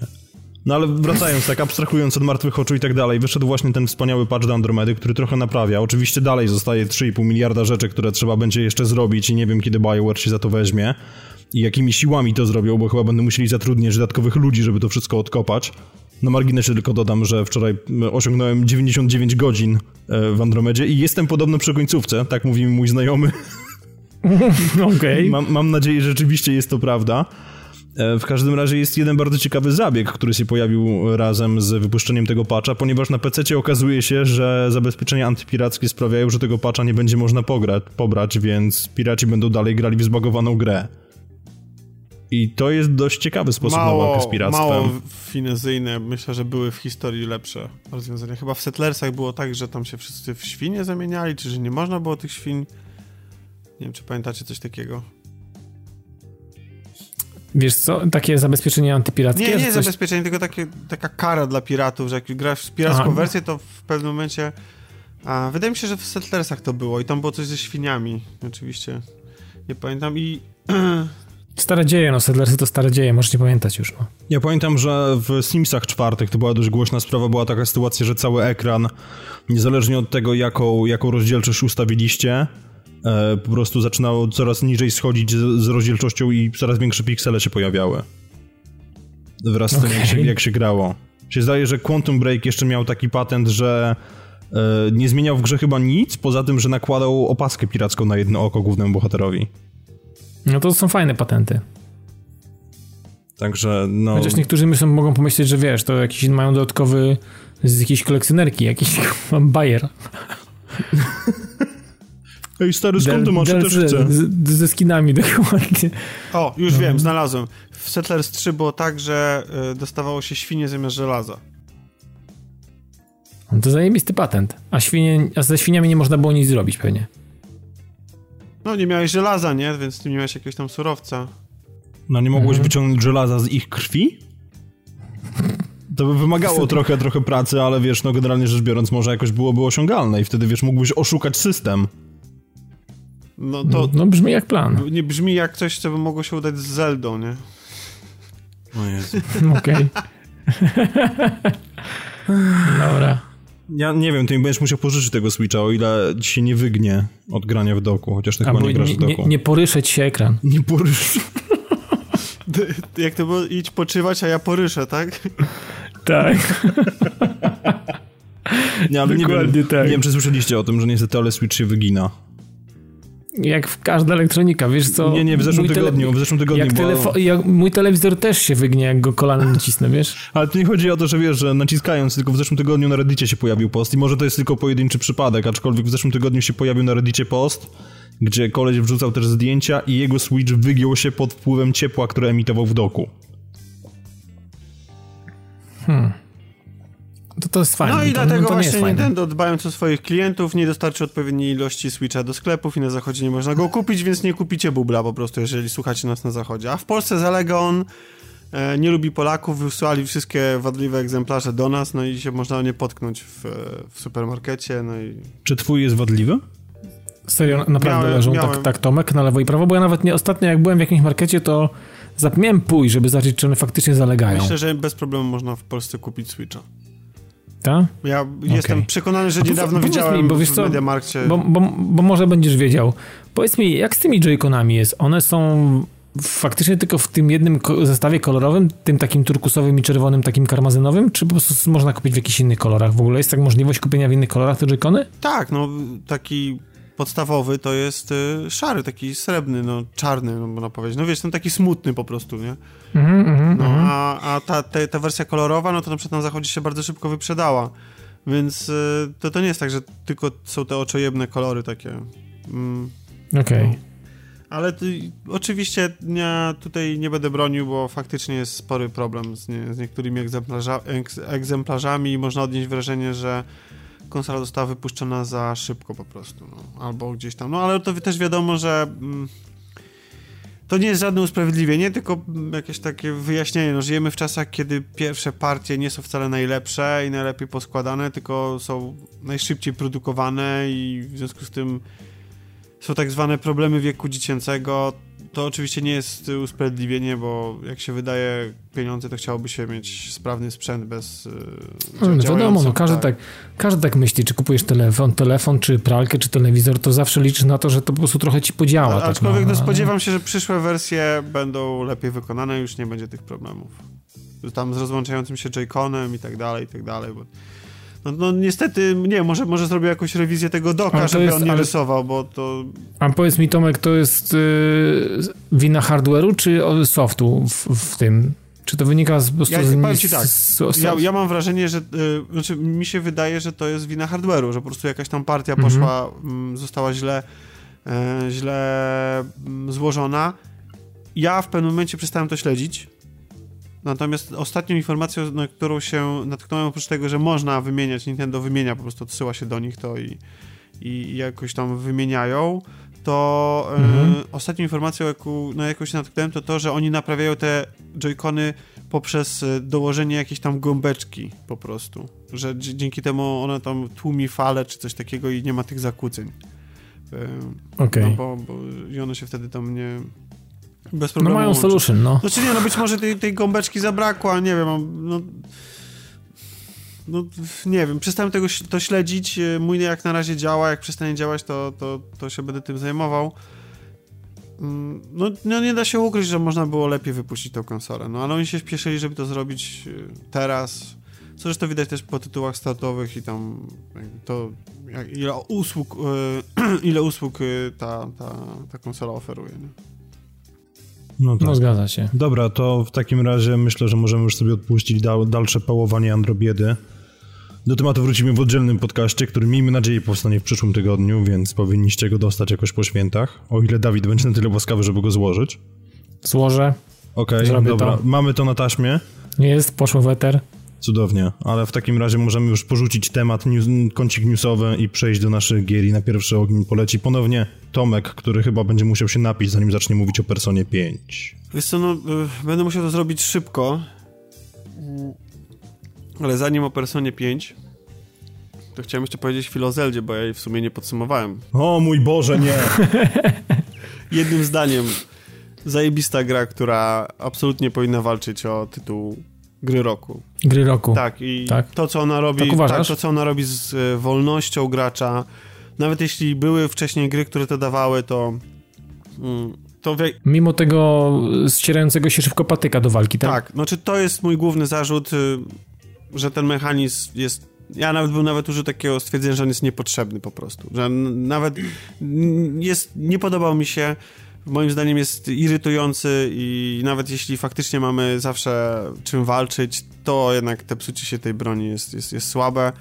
E, Jako taki fan, fan y, mam parę zastrzeżeń co do samego głównego złego, Ganona i w ogóle walki z nim i zamku, e, bo żeby było śmieszniej na przykład e, ja kończyłem grę dwa razy, znaczy kończyłem tej gry się praktycznie nie da skończyć, bo po 75 godzinach i po pokonaniu głównego bossa e, gra mi wyświetliła, że mam 16,5%, cokolwiek to znaczy, gry. Nie wiem, od, Shit. no. 16% z czego? no właśnie nie wiem, wydaje mi się, że to chodzi... No być, Eksploracji? być może, ale miałem właściwie wszystkie obszary odkryte i, ale jak ciągle natrafiam na, na jakieś nowe opowieści ludzi, którzy grają i mają więcej w tą grę przegranych godzin, e, czy sam też e, po sk- skończeniu głównego wątku, o może tak to nazwijmy, e, postanowiłem, że jeszcze pobiegam po Hyrule i odwiedziłem masę fantastycznych miejscówek, których wcześniej nie odwiedziłem. Świetna po prostu lokalizacja, która się znajduje w południowo-wschodnim rogu mapy, która po prostu banan na twarzy mi wyskoczył, czy odkrywanie jakichś kultowych rzeczy typu Forgotten, e, czy Zapomniana Świątynia, która jest e, nawiązaniem do, mm, do Skyward Sword E, i, i po, m, po prostu wspinając się tam na, na statuę, czułem się po prostu jak, jak stanęły mi przed, przed oczami obrazki z tej części, więc tam jest świetne, świetny to jest po prostu świetna gra do tego, żeby jej się oddać w pełni i sobie ją eksplorować i zwiedzać po kawałku. E, Natomiast no sam, sam zamek i tak dalej, to ja, tak jak mówię, dwa razy pokonywałem bossa, ponieważ pierwszy raz ja się tam udałem po coś innego w jego okolice i byłem znudzony szukaniem tego, nie mogłem znaleźć tego, to chodzi o takie wspomnienie, które jedno z nich leży w okolicach zamku E, i po prostu stwierdziłem, a zobaczę sobie jak daleko sobie dojdę tak po prostu, nie, z buta, na czczo. No i się okazało, Mhm. że doszedłem do samego bossa dosłownie bez żadnego problemu, po czym pokonałem go też bez żadnego problemu i to było słabe dla mnie. Znaczy w sensie byłem trochę zawiedziony, Okej. zawiedziony byłem też w jaki sposób jest ukazany nam ten boss i mm, powiem też coś, co może się nie spodobać fanom, ale uważam, że jeden z etapów walki z nim, nie będę mówił który i tak dalej, to jest to jest, to jest coś bardzo złego. To jest coś, e, coś co mm, coś, co wypacza sens tej gry. Coś, co ta gra przez, całe, przez całą grę próbowała nam e, wtłoczyć do głowy e, i to, co się kryje w jej DNA i nagle dostajemy taką sekwencję, która jest dla mnie no, bardzo słaba w 2017 roku. Nie wiem, to jest czegoś takiego się... Nie, nie byłem Okej. bardzo zawiedziony, e, ale z kolei na przykład też, też A można było uniknąć tego? A czy tej sekwencji, o której ty mówisz, można było spokojnie tego nie robić, żeby, żeby nie, nie pompować tego do gry, do świata? No można, wy, do tej walki tak wystarczyło ją naprawdę. inaczej po prostu zaprojektować, znaczy jak, znaczy, wiesz, Okej. no jakieś to było takie, no nie spodobało mi się strasznie i byłem zawiedziony po prostu tym faktem, że, że to się znalazło w Mhm. taki sposób, zwłaszcza, że, że gra daje ogrom wolności wcześniej i to się naprawdę, w tej grze się po prostu oddycha. Tak gameplayowo się po prostu oddycha pełną piersią. I No też tak tytuł wskazuje na to, nie? tak, i, i, i za to tą grę wielbię i zasługuje ona na absolutnie maksymalne, maksymalne oceny. Można było z tej historii wycisnąć, wycisnąć trochę więcej. Ona miała potencjał na, na trochę więcej, ale koniec końców jest dla mnie ok i bardzo mi się na przykład podobało, tak z punktu widzenia fana, to w jaki sposób został wprowadzony do tej gry e, Triforce, czyli ten słynny symbol takich trzech e, złotych trójkątów, który się kojarzy z Zelda od zawsze e, i był zawsze elementem gameplayu, tak? Musieliśmy go tam w jakiś tam sposób zdobyć. To tutaj, mm, tutaj mi się bardzo podoba, jak to zostało wplecione. No i tyle, ma swoje minusy, ale mega przygoda, fantastyczna gra i jedna z e, moich ulubionych gier życia, bym nawet powiedział. Czy już no możemy przejść do Persony? Tak, oczywiście. Dobrze, ponieważ Persona, trzeba tutaj zaznaczyć, że Persona jest e, zakupiona dzięki tak. naszym patronom. I, I ty na grupie naszej patronowej, specjalnej, ultratajnej, hiperzamkniętej napisałeś, że poczujesz, jak to jest być nastolatkiem z typowymi dla tego wieku problemami takimi jak pryszcze, klasówki pierwsze miłości i walka z potworami. Ja nie wiem, gdzie ty przeżywałeś swoje lata nastoletnie, ale ja tego ostatniego elementu nie miałem. Wiesz co, e, żeby było śmieszniej, to się trochę pomyliłem w tym wszystkim. O bo, Boże. Tak, bo... Y, y, ja zrobię dzisiaj trochę z braku czasu, ale też z tego, że po prostu miałem część tygodnia, byłem po prostu wyłączony ze względu na to, że byłem chory, co zresztą pewnie jeszcze słychać. I po prostu przez trzy dni nie mogłem w ogóle dotknąć konsoli, bo miałem gorączkę i tak dalej. Mam nadzieję, że nasi patroni y, mi to wybaczą, że dzisiaj nie będzie jakiegoś takiego dokładnego omówienia tego tytułu, tylko moje pierwsze wrażenia. Mm, ja z tą serią zacząłem przygodę od Persony 4 i to jest dokładnie, żeby być e, precyzyjnym od Persony 4 Golden, czyli gry, która moim zdaniem usprawiedliwia kupienie Wity. E, I to i nawet, nawet, nawet gdyby, na tej, gdyby, gdyby na tej konsoli miała się pojawić tylko jedna Tomku, gra. Nie ma takiej gry. Nie ma takiej gry, która byłaby w stanie usprawiedliwić zakup Vita. Moi, Taka pojedyncza moim gra nie istnieje. Moim zdaniem właśnie Persona Golden, Persona 4 Golden właśnie taka jest. To jest gra, którą... To jest bardzo odważne stwierdzenie. Co, ja sobie zajrzałem do swojego takiego pamiętnika gracza, gdzie sobie po prostu kiedyś miałem taki zwyczaj, że po skończeniu gry wystawiałem jej ocenę, cokolwiek miałoby to znaczyć. I zajrzałem i mm, spojrzałem, że wystawiłem tej grze 7. A to dlatego, że wystawi wystawiłem jej siódemkę, ponieważ ja w ogóle nie jestem fanem JRPG-ów. Mm, I tyle się na niej nie słuchałem, jaka to ona jest niesamowita i ta fabuła i w ogóle. Tymczasem sam główny wątek taki kryminalny, który był w tamtej części, ja po prostu oczekiwałem czegoś takiego naprawdę wow, czegoś, co mnie tam, wiecie, po prostu, nie wiem, wypierze i wywróci na lewą stronę. Tego wtedy nie dostałem, ale dostałem coś, czego się w ogóle nie spodziewałem. Mianowicie dostałem fantastyczne postaci. Fantastyczne postaci, które z miejsca dało się lubić, e, które były. Mm, które spowodowały. Znaczy, ja, ja właściwie sobie nie przypominam gry, w której mm, mógłbym powiedzieć, że mm, moi e, towarzysze to byli moi przyjaciele albo koledzy tacy bliscy. Autentycznie, jako gracz. Po prostu miałem wrażenie, że poświęcał im tyle czasu i gra była skonstruowana w taki sposób i tego wymagała, była pełna takich mechanik typu spędzanie ze sobą czasu, chodzenie coś zjeść, spędzanie go w szkole, e, no, w, w knajpach, tak? tak? w knajpach. No. Kojarzysz taką grę Katrin, pamiętasz? Tak, tak, tak. tak.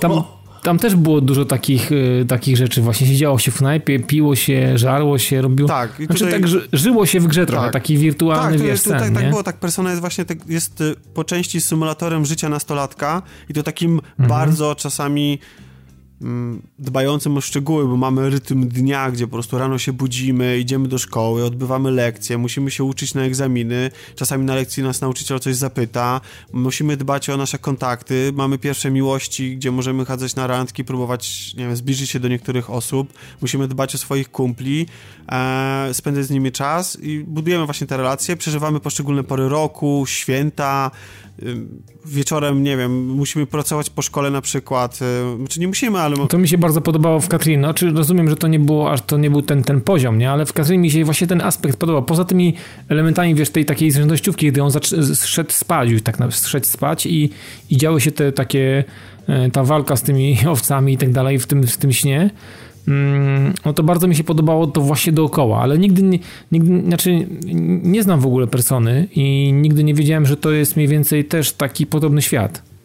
Że podobnie, podobnie się w to gra. To nie do końca, bo oprócz tego, że jest to te, Aha, tym okay. symulatorem takim socjalnym, nazwijmy to, to też jest po prostu mm JRPG-iem mm -hmm. i w personie w różnych częściach różnie to się nazywa, ale generalnie odwiedzasz taką inną rzeczywistość, do której się dostajesz w rozmaity sposób i tam zwiedzasz lochy, y, takie labirynty i walczysz z y, przeciwnikami, dochodzisz do bossa i no i generalnie jest, jak, no po prostu dostajesz takie lochy, tak, w których, w których walczysz I, i, i, w tym świecie odbywa się ten element y, tego JRPGa. Ja nie jestem jakimś mega fanem po prostu JRPGów i gram albo próbuję grać w te głośne tytuły, ale głównie właśnie dla postaci, dla fabuły. Jednym z moich ulubionych gier jest Final Fantasy VII którą w ogóle, która jest w ogóle mhm. grą, którą zaczynałem najwięcej ilo ilość razy, na, bo chyba nie ma sprzętu, na której ona się ukazała, a ja jej na niej nie grałem w nią, nie? No, więc e, Jasne. więc e, e, więc to jest tak, że, że to nie jest tak, że mnie od, odrzuca od JRPG-ów, ale jak mam do wyboru, to wolę grać w coś innego. I, i i to jest ta rzecz, ta, ta odbywająca się w tych podziemiach, e, ona jest fajna właśnie wtedy, kiedy dotyczy psychologii naszych postaci, bo te wszystkie podziemia i te, te, te wszystkie, ten inny świat zawsze ma bezpośredni związek z tym, y, z jakąś taką kwestią podświadomości, osobowości danego, danej postaci, tak? Czasami jest to nasz kolega, czasami jest to jakiś tam przeciwnik, y, którego spotykamy w życiu rzeczywistym. E, no różnie, różnie jest tam to, to rozgrywane. Mm, no i ja Personę 4 po prostu uwielbiam, mimo tego, że nie wystawiłem jej wtedy jakiejś wysokiej oceny, to, to jaką miłością zapałem do tych postaci, e, to znaczy e, to jak e, silna się stała ta marka właśnie e, i to jak Persona 4 została rozpoznawana również na zachodzie, świadczy chociażby to, że dorobiła się spin-offów i sequeli na przykład w postaci mordobicia, nie? A więc, e, mhm. więc te japońskie firmy rzadko korzystają, relatywnie rzadko korzystają z postaci już wykreowanych po to, żeby tam, wiecie, kon robić kontynuację, nie? Final Fantasy VII, są wyjątki typu właśnie Final Fantasy VII, które ma wokół siebie jeszcze filmy e, i ma spin-offy i prequele i sequele i tak dalej. Mm, natomiast no to relatywnie to się rzadko zdarza. Natomiast no Persona do, dostała coś takiego, która w ogóle sama jest, żeby było śmiesznie, jest spin-offem do innej serii JRPG-ów, ale tam ja, się, ja tutaj już nie wchodzę w kompetencje na przykład Jacka, którego pozdrawiam. Nie, nie, nie zamierzam tutaj popełniać jakichś rażących błędów y, merytorycznych co do tego, co z czego wynika i co jest czego spin-offem. No i Persona 5, długo oczekiwana, po wielu latach ją y, dostajemy. W zeszłym roku zadebi zadebiutowała w e, Japonii, teraz dostajemy ją po angielsku. Gra, którą jak uruchamiasz i pierwsze co się rzuca w oczy, to styl. I wszędzie na pewno już słyszeliście, że ta gra jest mega stylowa i ona właśnie taka jest. To znaczy ciężko... No, zawsze, zawsze taka była. Z tego co pamiętam, jakieś takie screeny albo jakieś takie rzeczy, które gdzieś tam mi wpadły w oko, to to, to zawsze był taki niezły odjazd. E, tak, ale, ale tutaj jest to podkręcone. Mam wrażenie, że e, dużo więcej uwagi poświęcono poszczególnym elementom i każdy element menu, różne przejścia pomiędzy ekranami ładowania, e, czy no, najdrobniejsze jakieś takie rzeczy, które widzimy na ekranie, mam wrażenie, że są z takim pietyzmem bardzo potraktowane i że wszystko to się wpisuje w e, ogólną całość i taką estetykę i po prostu przyjemnie się na to patrzy. Jest tego czasami tak dużo i jest tak przestylizowane, że ma to też swoje niestety słabe strony, bo czasami można być zagubionym w tym, co się dzieje na ekranie. Jak się idzie ulicą i... Ale nie jesteś zdegustowany, czy po prostu jest za dużo tego, tak? Nie, nie, to nie... No, mi to nie przeszkadzało, ale... Bo, bo się to doskonale wpisało w to w tą sytuację, w której się znalazłem. Przyjeżdżam jako główny mhm. bohater, który jest znowu niestety niemy. Ja muszę przyznać, że ja tego kompletnie nie rozumiem. Ja nie rozumiem tego zamiłowania japońskich twórców do niemych bohaterów. Tak samo jak Link nie rozumiem, dlaczego nadal jest niemy. Mało tego, w Zeldzie poświęcony jest fragment fabuły na to, żeby wyjaśnić, dlaczego Link się e, nie odzywa tak dużo i w ogóle nie, nie słyszę go. Ja, ja, ja, tego nie rozumiem, bo ja rozumiem, jeśli gracz dostaje możliwość stworzenia sobie swojego bohatera od zera i wtedy dajemy mu taką opcję, że on jest niemy, no i wtedy ty jesteś tym graczu, tym bohaterem i wtedy wiesz, że taka pełna imersja, nie chcemy cię z niej wybijać, nie? Ale przecież to są konkretne postaci, które, które firmują tą grę. One mają konkretnie wyglądają mają jakieś, jakieś, nie wiem, no znajdują się w konkretnej sytuacji życiowej. Więc nie wiem, jaki jest sens nie dawania im głosu po prostu, zwłaszcza, że na przykład jak e, wejdę w menu i chcę zapisać sobie e, grę, to e, nagle bohater mówi, o może coś sobie zapiszę, nie? No, Aha, czy w, ogóle... w minusach ma głos, tak? tak, tam... znaczy, tak, w takich dziwnych sytuacjach, zresztą to dotyczy w ogóle całej gry, że mm, ogrom gry jest dubbingowany to jest super. Naprawdę, w porównaniu. Mam wrażenie, że w Personie 4 było tego dużo, dużo, dużo mniej. Tutaj jest ilość czytanych przez, przez aktorów dialogów jest ogromna, ale nadal nie rozumiem, dlaczego się zdarzają takie, których, które nie są czytane. I nie chodzi mi o NPC-ów, którzy tam, wiecie, na ulicy coś tam sobie jeden do drugiego coś powie, tylko y, mamy nagle daną sekwencję, która się składa z filmu animowanego, bo y, mam wrażenie, że jest tutaj też dużo więcej wstawek anime. Mamy y, na silniku gry zrobioną animację i ona jest udźwiękowiona, mamy dialog, który jest niemy, po czym za chwilę dokładnie w tej samej, z tej samej sytuacji przechodzimy do dialogu, który jest udźwiękowiony. I w ogóle nie rozumiem tego. Czemu się nie dało... Czyli czemu się nie dało tego przeczytać w całości? No, ja wiem, że y, persona... Może kwestia budżetu. Ale wiesz co, no, w przypadku na przykład w Zeldzie jest to samo.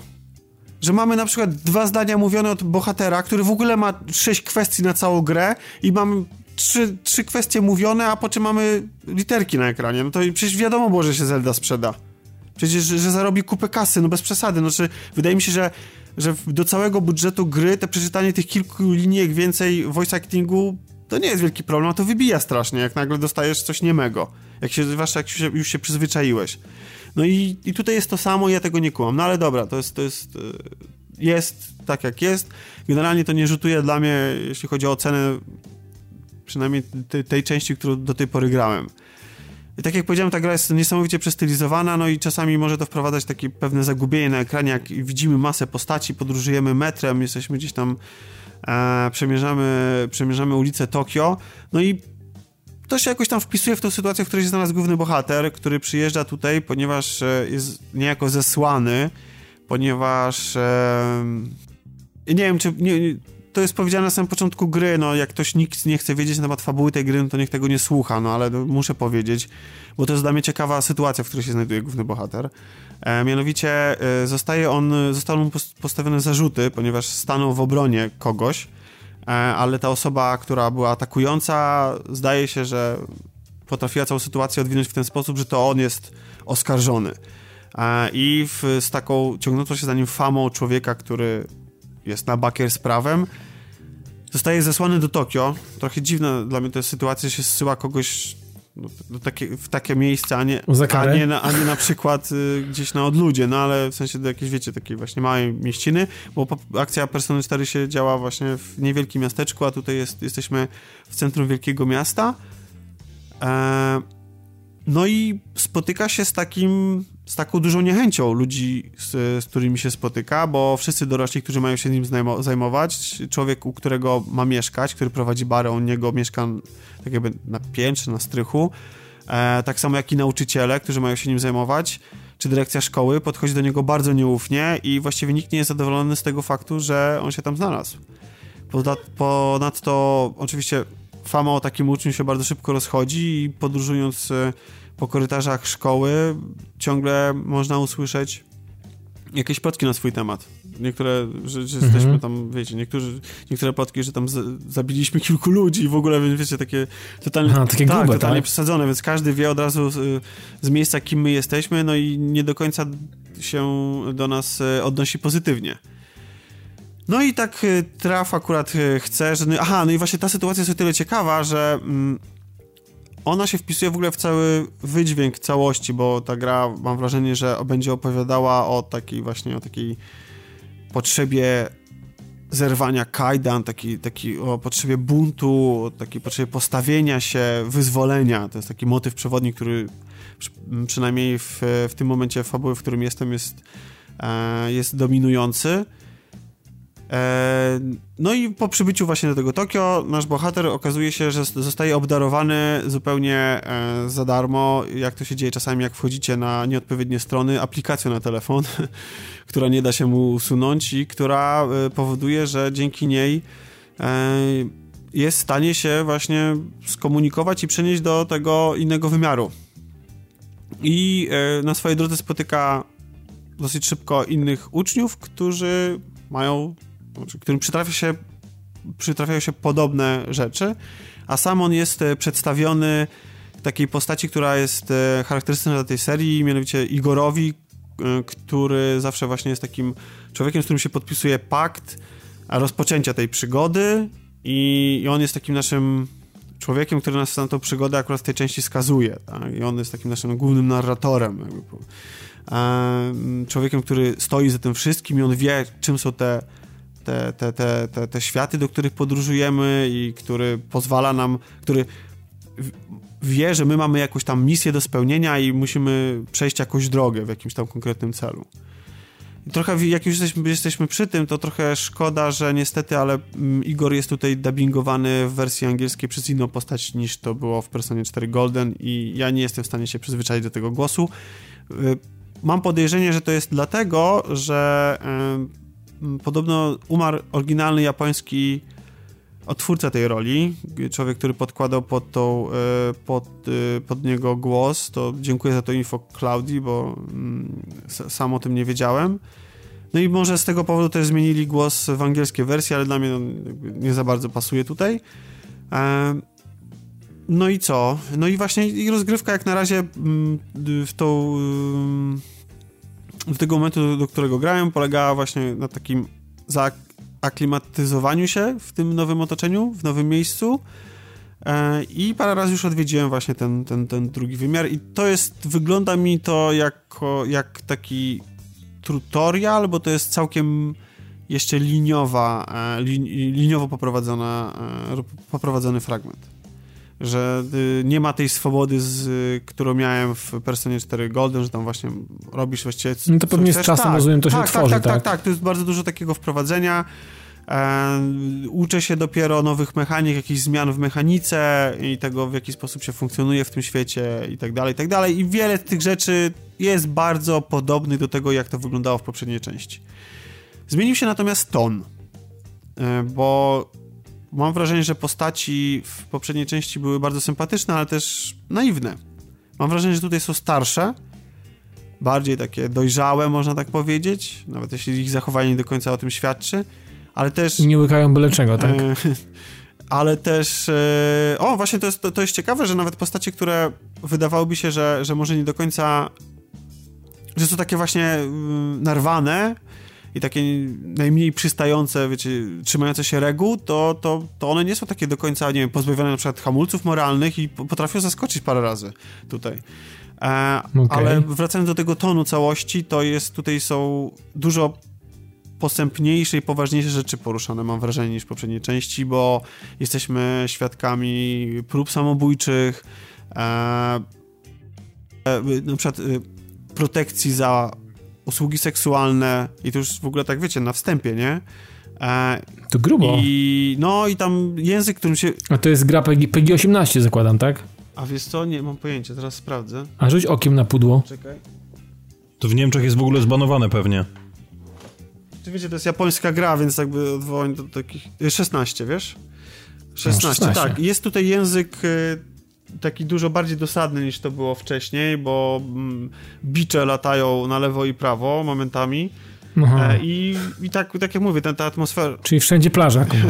No, ta atmosfera całości jest taka, taka poważniejsza i, i, i nie, nie jest ta gra też taka, nie wiem, kolorowa i tak, taka naiwna, tak, tak mam, mam takie wrażenie, tak, jak, jak to było w poprzedniej części. E, bardzo mi się podoba to, co do tej pory zobaczyłem. Jest e,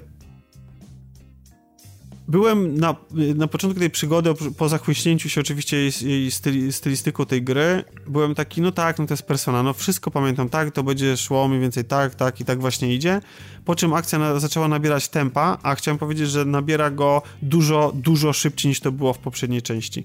W ogóle Persona 4 się strasznie wolno rozwijała i tam zanim co, w ogóle cokolwiek mogliśmy zrobić, to tam mijały minuty kolejne. Tutaj zaczynamy od sekwencji akcji niemalże i w ogóle dużo się dzieje, a jeszcze do tego fabuła jest, e, mam wrażenie, chciano właśnie tej, tej, tej takiej monotonii, powolnego rozwijania e, historii uniknąć, bo mamy jeszcze historię opowiadaną dwutorowo, bo w, na dwóch y, dwóch przestrzeniach czasowych, tak? Czyli czyli coś się dzieje wcześniej, a coś się dzieje później i to jest e, czasami przerywane i mam wrażenie, że czasami aż za bardzo, bo nic nie wnoszą te, te takie interludia i ten nagle takie wyłamanie czasowe i przeniesienie, przeniesienie się w inny czas i mamy tam, postacie mówią dwa zdania, które niewiele wnoszą i kontynuujemy, kontynuujemy, kontynuujemy naszą historię dalej w tym, mhm. w tym bieżącym czasie, więc nie wiem. No ale to podejrzewam, że to zostało wprowadzone właśnie po to, żebyśmy ciągle, e, żeby ciągle coś się działo i żeby nie było tej, tej nudy, która mogłaby, e, którą mogliby odczuć niektórzy gracze na samym początku. Jestem, jestem, bardzo fajnie jest to e, poprowadzone, bardzo jest to fajny, ciekawy punkt wyjścia do tego, co będzie dalej. Jestem, jestem ciekawy, jak ta historia się dalej powtórzy. Te, te postacie, które spotykam nie są może tak ujmujące od samego początku, jak to miało miejsce w poprzedniej części, ale no nie mówię, że są gorsze czy nie, no bo ja grałem niewiele, więc nie skreślam ich na samym początku. Zobaczymy jak to będzie, jak się rozwiną. Na pewno taki nasz przewodnik po świecie, e, po tym drugim świecie, taka postać, która mm, pojawiła się też i w Personie 4 Yy, to była inna postać, ale, ale właśnie takiego człowieka, znaczy taka postać, która po prostu jest bardzo rozeznana w prawidłach rządzących tym światem i nas jest, nas, jest nas, naszym takim przewodnikiem. Tutaj wypada o wiele ciekawiej niż Teddy z Persony, z Persony 4.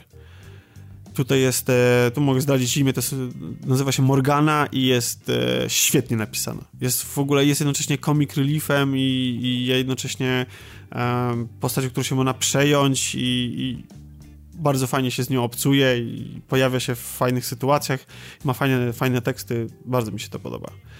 Więc e, jak na razie jestem. E, Czyli solidnie jest, tak, jak na razie. Tak, mówisz, tak, tak, jest solidnie, jest wprowadzone, wprowadzone kilka nowości, jeśli chodzi o samą mechanikę. Można na przykład porozmawiać z wrogami. Jeżeli ich, e, jeżeli ich ogłuszymy, jeżeli znajdziemy ich słaby punkt i... Jeżeli ich ogłoszymy, wtedy można tak, z nimi pogadać. Tak. To jest zajebiste, podoba Można z nimi to. pogadać i można na przykład im powiedzieć, że słuchajcie, oddajcie nam kasę, bo po, każdym, po każdej walce otrzymują jakieś tam, wiecie, punkty doświadczenia, ewentualnie jakieś przedmioty, no jak to w RPGach jest, nie? Jakieś pieniądze. Mm -hmm, to można z nimi... Expleci, Tak, no. to można, można, mamy kilka opcji do wyboru, bardzo mi się podoba ta mechanika, można z nimi pogadać i na przykład przekonać ich do tego, żeby nam oddali pieniądze i oni się wtedy ulatniają zachowujemy, czy darujemy im życie, albo możemy pozyskać ich moce, albo właśnie jakieś przedmioty od nich, a nie zawsze te negocjacje się udają i czasami jesteśmy zmuszeni do tego, żeby powrócić z nimi do walki, nie? Jak oni już tam nabiorą sił. Więc to jest, to jest, to jest fajne. Same lochy są bardziej urozmaicone, mam wrażenie, niż to, co było w poprzedniej części, ale to nadal jest... Ta gra wyszła też na PlayStation 3 i to, to, to nie oczekujcie jakichś nie wiadomo jak rozbudowanych pod względem takim e, ilości poligonów, czy w ogóle rzeczy, które tam znajdziecie w, tych, w tych lochach. No ale one, to, to nie jest taki ich, ich cel, mają być taki, tylko bardziej taki, no takim symbolem, po prostu takim labiryntem do przejścia. Fajnie, gdyby były może lepiej skonstruowane, no ale e, no tak przynajmniej to, co widziałem do tej pory. E, ale tak jest, jest ok. Więc jak na razie jestem zachwycony właśnie tą stylistyką i, i tym, że mimo tego, że gram krótko, to gra potrafiła mnie wkręcić w fabułę i w klimat. I czekam dalej. No to, to znaczy, że będzie dobrze, no. Oby, oby było dalej dobrze, no. Tak jest, tak jest. Mam taką nadzieję. Dobrze, Tomku, czy zdążysz jeszcze powiedzieć o Night in the Woods? Nie, już nie zdążę, muszę niestety lecieć, bo i tak e, troszeczkę za długo się, siłą zasiedziałem dzisiaj, a muszę uciekać do pracy. No to, no to zostawimy to na za tydzień. Tak, bo to jest... Zostawimy, nie zginie. Nie zginie, bo nie gra zginie. jest warta tego, żeby o niej pamiętać i nawet jeśli nie teraz, bo jest dosyć droga, to jest to bardzo, bardzo ciekawy indyk i chciałem o nim opowiedzieć. No to dobrze, to, to no dobrze. zrobimy to. Dobra. To opowiesz w kolejnym epizodzie. Tak jest. A tymczasem żegnam się z wami, życzę wam miłego tygodnia. Na razie, cześć. Trzymaj się, hej. Hej, hej. Panie i panowie, Tomasz Pieniak. Złotousty kawaler. E, dobrze, no to skoro Tomka już nie ma, zostaliśmy we dwóch ja i no mój tak brzuch, wyszło. to zostaje nam, zostanie pogadanie jeszcze o Has Been Heroes, które rozumiem, że ty ogrywałaś. Tak, ogrywałem i generalnie bardzo ostrzyłem sobie zęby na, na produkcję Frozen Byte, bo tak się nazywa deweloper e, tej produkcji, z racji tego, że ona koncepcją i, mm, i tym, co oferowała na materiałach wideo, przypomina mi bardzo mocno e, Darkest Dungeon, który jest absolutnie wybitną produkcją dostępną na PC, na PC i na PS4. Ubolewam cały czas, że nie ma tego na Xbox One. E, nawet kiedyś streamowałem chyba dwa albo trzy tygodnie temu i, i ludziom też się bardzo, bardzo podobało i obiecali, że będą kupować. W każdym razie wracając do Has Been Hero, ewidentnie widać, że e, ludzie z Frozen Byte czerpali mm, garściami jakby z Darkest Dungeon, jeżeli chodzi o prezentację mapy, poruszanie się i aspekty, nie wiem, chociażby mm, dbania o to, żeby mieć e, klucze jakieś do, do skrzyń, żeby mieć e, możliwość e, mm, znaczy utrzymania pewnego poziomu światła. Nie możemy poruszać się w Has Been Heroes, jeżeli nie mamy świec w trakcie przemierzania się między lokalizacjami. Czekaj, przepraszam prostu... jeszcze tylko, że się wtrącę, ale ty mówisz, no. że tej gry nie ma na Xbox One? E, Darkest Dungeon nie ma na Xbox One. A, okej, okay, dobra, myślałem, że powiedziałeś e, Has Been Heroes. Frozen, okay. Has, Has Been Heroes jest wszędzie i ja właśnie ogrywam na Xboxie One. Mhm. E, natomiast właśnie Darkest Dungeon jest tylko na PS4 i na, na, na, i na PC. Mm, w każdym razie widać, że tutaj dużo jest y, brane z Darkest Dungeon. Natomiast y, y, zupełnie inaczej wygląda mechanizm walki, bo w Darkest Dungeon mamy cztery postaci, tutaj mamy maksymalnie trzy, które. Mm, znaczy w ogóle Has Been Heroes jest jeszcze w dodatku takim niemalże klasycznym rogalikiem. Tu jak, jakakolwiek postać nam umiera, kończy się gra, e, oddajemy takie specjalne kule E, do jakby w niebie, pozbywamy się tego jakby doświadczenia, które udało nam się zdobyć w trakcie, w trakcie rozgrywki, oddajemy tą jakby naszą walutę i dzięki temu za ileś tam zebranych tych e, tych dusz pokonanych przeciwników otwiera nam się kolejna skrzynia, z której mm, wypadają rzeczy, które potem możemy znaleźć w trakcie przemierzania świata. Więc taki typowo, typowy rogalikowy mechanizm. Coś, coś dostajemy po śmierci i coś, co będziemy mogli znaleźć y, odpalając grę jakby od nowa, więc y, ten mechanizm tutaj występuje. Mm, natomiast sama, sama walka, znaczy ja generalnie yy, gra, mi się, gra mi się podoba i pomysł jest, jest dobry, tylko yy, gra potrzebuje mam nadzieję, że będą zrobią coś z tym, bo na 100% feedback taki do twórców wróci i zrobią coś ewidentnie z kilkoma aspektami. Jeden z aspektów to jest um, znaczy gra, gra wydaje się być dosyć trudna, ale znaczy ja lubię trudne gry. Myślę, że każdy z nas lubi gry, które stawiają przed, przed nim jakieś wyzwanie.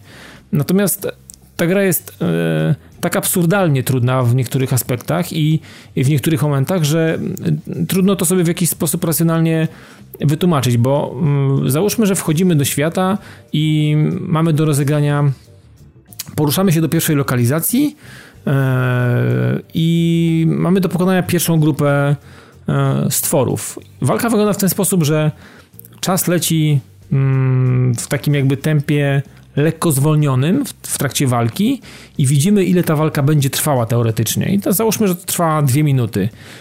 I tu mamy coś takiego jak taką aktywną pauzę. Możemy zatrzymać czas, wybrać sobie, co dana z trzech postaci yy, wykona jakby w tej, w tej chwili, albo jakąś tam sekwencję sobie zaplanować. Możemy zrobić takie kombo, że każda, każda z trzech postaci, jeżeli ma możliwość takiego wykonania jakiegokolwiek ruchu, bo tu mamy takie cooldowny. Jeżeli wykonamy jakikolwiek ruch, to, to wtedy postać musi chwilę odczekać, żeby wykonać kolejny ruch. Więc yy, po wykonaniu takiego ruchu yy, czas jakby płynie znowu trochę szybciej i te potwory idą jakby w naszą stronę, z prawego do, do lewego, po której są nasi, nasi bohaterowie i generalnie znowu czekamy, albo nam się naładują nasze moce, albo nam się naładują jakieś, jak, któreś, któreś z czarów, albo, nam się, albo, albo nasza postać odzyska moc e, na tyle, żeby wykonać jakikolwiek ruch, czy to będzie ruch ataku, czy to będzie jakaś zamiana miejsc, bo to się dzieje, jakby powiedziałem, w trzech takich e, torach.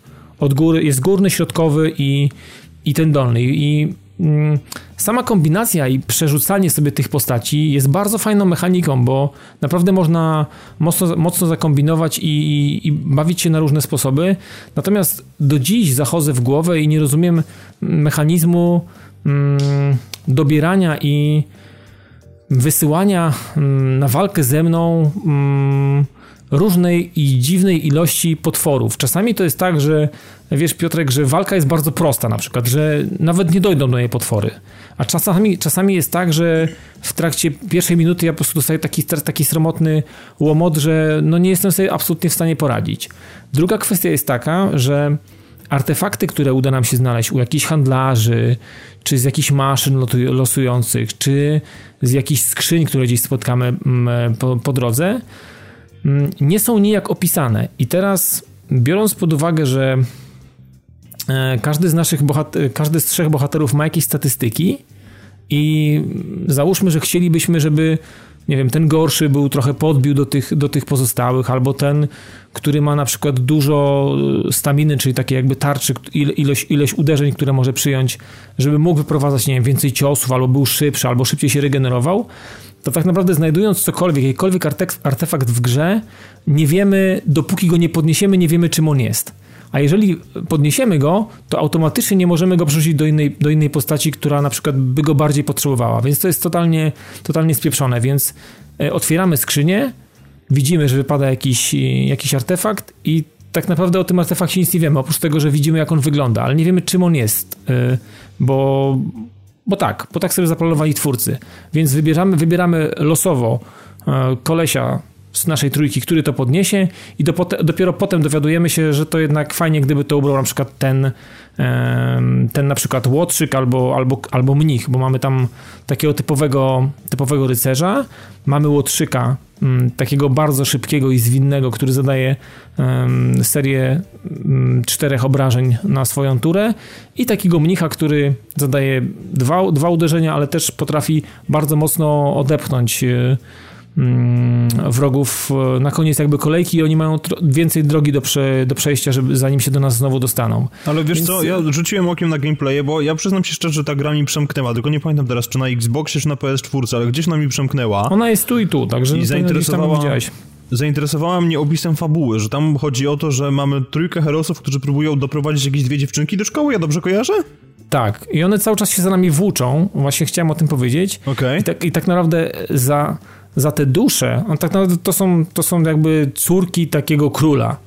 Ta fabuła taka jest dosyć, dosyć banalna i taka, to w sumie nie jest nic specjalnego, nic odkrywczego, ale faktycznie cały czas za nami biegną takie dwie jakby księżniczki, które w trakcie walki zbierają właśnie te dusze.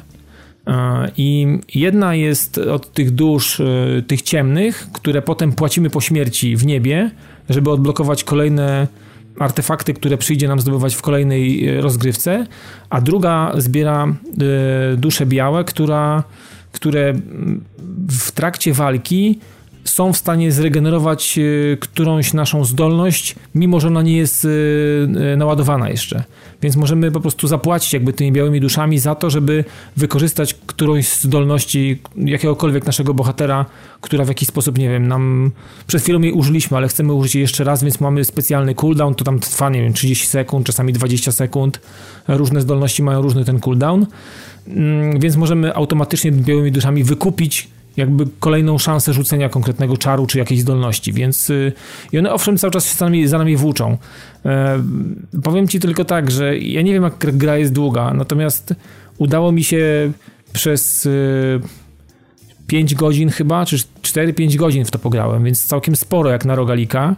Mm, udało mi się przejść raptem pierwszego bossa i to i to nie za każdym razem, ja tam się nie dostaję za każdym razem, bo oczywiście świat jest mm, generowany proceduralnie i, i ten boss czasami jest y, dosyć daleko, zanim się do niego doczłapie.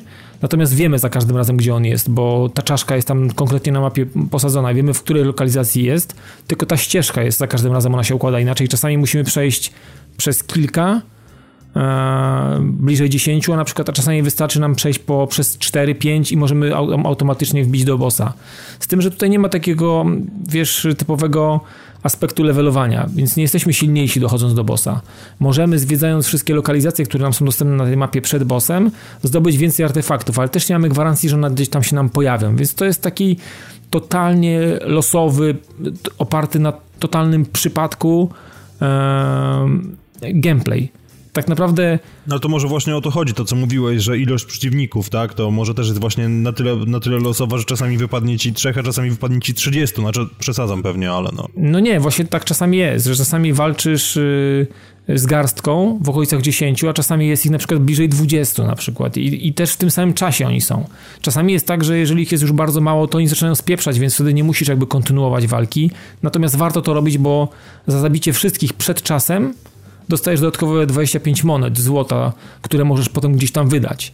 Natomiast y, już doszedłem do tego poziomu, że wiem, że to się nijak nie opłaca, bo za chwilę zdechnę gdzieś po prostu, bo nie wiem skąd mam brać, brać świeczki. Nie przygotowujemy się do wyprawy, tak jak w Darkest Dungeon, że zabieram jakiś prowiant, że szukamy świeczek. Czasami świeczki mam trzy, czasami mam świeczkę jedną, czasami mam dwie i tak naprawdę w tej grze brakuje takiego solidnego tutoriala. Tak jak większość rogali ma jakiś tutorial, pokazuje ci jak grać, taki chociażby genialnym, genialnym rogalem, który jest Tarzis na PS4, ma bardzo fajny tutorial, w którym, w którym dokładnie zrozumiesz o co chodzi. W Has Been Heroes nie wiesz o co chodzi. Musisz rozegrać kilkanaście, może nawet kilkadziesiąt partii, żeby w pewnym, w pewnym żeby doświadczyć e, różnych rzeczy tej gry. Bo ta gra nie pokazuje ci. To jest trochę, trochę jak Binding of Isaac, że w, odpalasz grę, Mm, i, I tak naprawdę nie wiesz, co się będzie działo, nie wiesz, po co to zbierasz, natomiast wszystko ma opis w Binding of Isaac.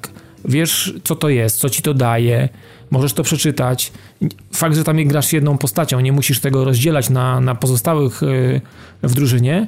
Natomiast tutaj ewidentnie brakuje kilku takich wyszlifowania pewnych, y, pewnych mechanik, wiesz, bo, bo gra w sumie nie jest zła i naprawdę ma bardzo fajny pomysł, a prowadzenie walki naprawdę, naprawdę daje dużo fanu. Natomiast to, co powiedziałem na początku, te skrzynie, to nie wiadomo, jaki artefakt kupujemy. Mm, no, takie trochę to jest. powoduje frustrację. Że... Znaczy, wiesz, to, to wspomniałeś znowu o tej walce. Ja sobie rzuciłem jeszcze okiem na, na Walka jakieś tam gameplaya. Walka jest ona świetna. mi trochę, ona, może nie pod kątem liczebności przeciwników, ale ona mi trochę w ogóle przypomina walkę z Child of Light. Nie wiem, czy, czy grałeś, Nie, czy... Do, w Child of Light tak, grałem oczywiście, fantastyczna gra, tylko że walka, walka w Child of Light jest stricte turowa. Mhm. A tutaj postaci cały czas idą do ciebie. One cały czas do siebie się zbliżają. I w momencie, kiedy dojdą, to jest kaput?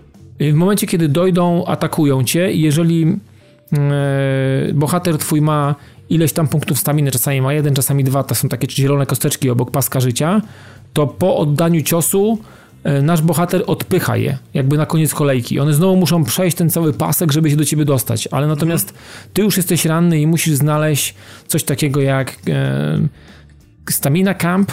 Masz taki obóz i oni przysypiają jakby noc, piją piwo, bykają tam po prostu i na drugi dzień są naładowani znowu, więc mogą spokojnie iść dalej. Natomiast ten, ten obóz ze staminą też nie za każdym razem się mm, pojawia na, na, na w, w, tych lokalizacjach, więc no to jest też element losowy. Czasami nie masz jak zregenerować tej, tej staminy, a czasami ten obóz jest, więc y, to, totalna losowość, natomiast y, z pewnych aspektów no nie jestem zadowolony, bo po prostu czasami podejmujesz złe decyzje, ale no nie jesteś w stanie jakby zmienić tego, y, tej, tej, tej no to totalnie, totalnie losowo. No. Dajesz komuś graty, których na przykład nie powinien mieć, albo dajesz komuś czar, który szkoda, że on ma na przykład, albo mógłby mieć ktoś inny, żeby na przykład rzucać, rzucać inaczej, inaczej, te, inaczej te, te czary. Więc no może to naprawią, bo to nie są, to nie są duże, duże ułomności w tej grze. To nie są duże problemy, jeżeli chodzi o, o, o gameplay. I wtedy, wtedy może, będzie, może będzie przyjemnie. Natomiast no, jeszcze nie skreślam grę. To nie jest tak, że ją skreśliłem. Trochę jestem, trochę, trochę frustracji tam się pojawiło po, po, po tych kilku godzinach. Natomiast do odblokowania jest masa lokalizacji. Ta gra ma kilka zakończeń różnych. Te zakończenia z tego co widziałem są różne, bo tam na końcu mamy taką, taką znaczy jest taki, jest taka, w menu jest takie statystyki są, gdzie widzimy ile gratów odblokowaliśmy, ile odblokowaliśmy czarów. Dochodzą też różne postaci, rozumiem, za przejście gry będziemy mieli innych bohaterów, to nie będzie tylko łoczyk, y, y, ten mnich i, i ten rycerz, tylko może ktoś jeszcze, bo tych slotów tam jest bodajże 6 czy 7, a w tej chwili mam, odkry mam odkryte cały czas tylko te 3, więc no gra na pewno jest na kupę godzin, y, na kupę godzin, tak jak, tak jak Zigurat chociażby, który też jest olbrzymim rogalikiem z taką chorą ilością rzeczy do odblokowania, tak samo Tarzis. Mm, natomiast y, no z tych, co wymieniłem, z tych rogaliki, rogalików, ewidentnie Has Been Heroes ma, ma jakieś tam problemy i, i boryka się z jakimiś takimi rzeczami na start. No, mam nadzieję, że, że to się jakoś tam wyprostuje i, i, i twórcy nie porzucą tej produkcji, bo ona zasługuje na to, żeby, żeby, żeby świat o niej usłyszał i żeby świat, żeby gracze chcieli się nią bawić. No, natomiast gdy, gdy tego nie zrobią, wydaje mi się, że ludzie, ludzie po paru godzinach po prostu pieprzną tą grą w kąt i, i po prostu zapomną o niej, no i tyle, no. Rogalik jest, on, rogalik musi być trudny, ja to rozumiem, ale on musi być przemyślany, a tu pewnych rzeczy po prostu brakuje, pewnych, pewnych przemyśleń i pewnych takich, wiesz, mechanik, które mm, ewidentnie ci powiedzą, co zrobiłeś i, albo co chcesz zrobić. Tutaj tego nie możesz, nie możesz takiej decyzji podjąć i to jest problem. I konsekwencje tego są za chwilę są, są opłakane tego, no bo po prostu zginiesz albo, albo nie wiem, nie dojdziesz tam, gdzie chcesz dojść, albo ci zabraknie świeczek. Te świeczki to już w ogóle jest jakiś popieprzony pomysł, bo w Darkest Dungeon zabierasz sobie pochodnie na wyprawę i wiesz, ile ich zabrałeś i, i, wiesz, ile potrzebujesz czasami na konkretny loch, który musisz przemierzyć, nie? Natomiast tutaj to jest też jakiś aspekt losowy. Masz czasami dwie, czasami jedną, czasami trzy i wiesz, jak masz jedną, to jak przyjdzie noc, oni od, odpalą tą ostatnią świecę i do drugiej nocy po prostu jak pojawi się druga noc, za długo chodzisz, a nie powinno się tutaj za bardzo chodzić, długo na to wygląda, no to po prostu w nocy coś, coś was pieprza i koniec, no. Także no są aspekty frustrujące. Nie no, to no, o czym mówisz, jeżeli chodzi o balans, no to widzę, że nie jesteś sam, bo wrzucenie nawet w Google frazy to pokazuje, że twórcy chyba nawet zresztą sami mówią, że muszą o tym pomyśleć. No, przydałoby się, bo gra zasługuje, mówię, zasługuje zdecydowanie na to, żeby e, zrobić naprawdę e, coś dobrego dla graczy i ona, ona, ona, ona robi dużo rzeczy dobrze. Natomiast e, brakuje pewnej takiej polerki tych niektórych mechanizmów. Natomiast no, wierzę w to, że twórcy będą chcieli coś z tym zrobić, a czy zrobią, no to przyjdzie nam pewnie się przekonać za jakiś czas. Natomiast jeżeli ktoś yy, myśli o zakupie, wstrzymałbym się jeszcze na chwilę. Może, może dajmy szansę do jakiejś, do, jakiejś, do jakiejś pierwszej aktualizacji. Może to się wszystko za chwilę odmieni i to będzie naprawdę fantastyczny rogal, totalnie zrozumiały i, i, i z jakimś sensownym tutorialem i opisem z jakimiś strategiami, z jakimiś patentami, z jakimiś podpowiedziami, jak sensownie grać, jak sobie sensownie radzić w tym, w tym, w tym dzikim świecie. No. Także, także tyle. No. No to mam nadzieję w takim razie, że, że, rzeczywiście ją poprawią, bo patrzę teraz po ocenach. Wprawdzie tutaj patrzę na wersję na Switcha, ale no narzekają na mechanikę ogólnie, nie, nie chodzi o to, że z tą wersją jest coś nie tak, aczkolwiek tutaj Destructoid pisze, że śmierci są, ma, mają takie poczucie, że zostały zadane w sposób nie fair, tak. GM to samo zresztą, że no, no, nie jest najlepiej, tak, ale właśnie wszystko to, o czym powiedziałeś, to jest przez nich wytykane i niestety, ale średnia obecnie na Switcha to jest 49, więc... Więc mówię, no to... Zasługuje na więcej raczej. W, w, z tego, co mi się wydaje, z tego, co zobaczyłem i z tego, jak to się prezentowało i, i podszedłem naprawdę z otwartym sercem e, do tej produkcji, chciałbym, chciałbym do tej produkcji naprawdę wrócić i chciałbym w to pograć. Tak jak pograłem dużo w Zigurat, tak jak pograłem w Tarzis, tak jak grywam w Darkest Dungeon. To są fajne rzeczy i myślę, że Has Been Heroes też może być fajną grą. Więc no mówię, to teraz już to jakby w rękach, w rękach jakby twórców, no. Bo, bo jakby no, gra zasługuje na to, żeby żeby się gdzieś tam u nas zadomowić i żebyśmy chętnie chcieli do niej wracać, bo na chwilę obecną, to powiem Ci Piotrek, po tych pięciu godzinach, to tak średnio mi się chce odpalać to w tej chwili, nie? No, ale to jest właśnie to, o czym piszą w recenzjach. A powiedz mi, ty jesteś fanem Trina, czy nie? Yy, raczej średnio. Pograłem troszeczkę, ale jakby nie. Train jest trochę jakby za wolny dla mnie w samej rozgrywce. Po prostu... Nie, nie, pytam z tego względu, że czasami po prostu twój sentyment do twórców czasami nie rzutuje na, na, na ocenę, ale w takim razie to nie, nie, nie, ma co. Nie, nie, nie, nie, nie, nie, nie. Także no, Has Been Heroes, na razie wstrzymajcie się póki możecie, chyba, że już kupiliście, no to wtedy módlcie się, żeby coś, coś z tym zrobiono. Natomiast gra jest oczywiście dostępna wszędzie, nawet tak jak Piotr powiedział, nawet na Switcha, więc E, można, Nawet można... na Switcha, po prostu jakaś obelga.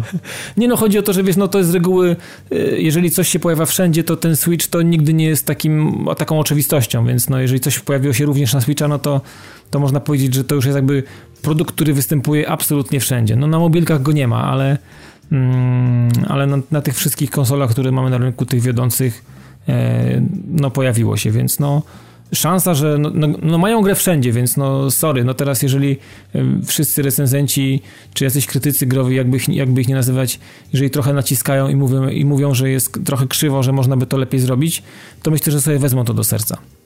Ja przynajmniej wierzę w to, że tak będzie, bo chciałbym do tej gry naprawdę wrócić. No dobrze, no to może będzie ci dane.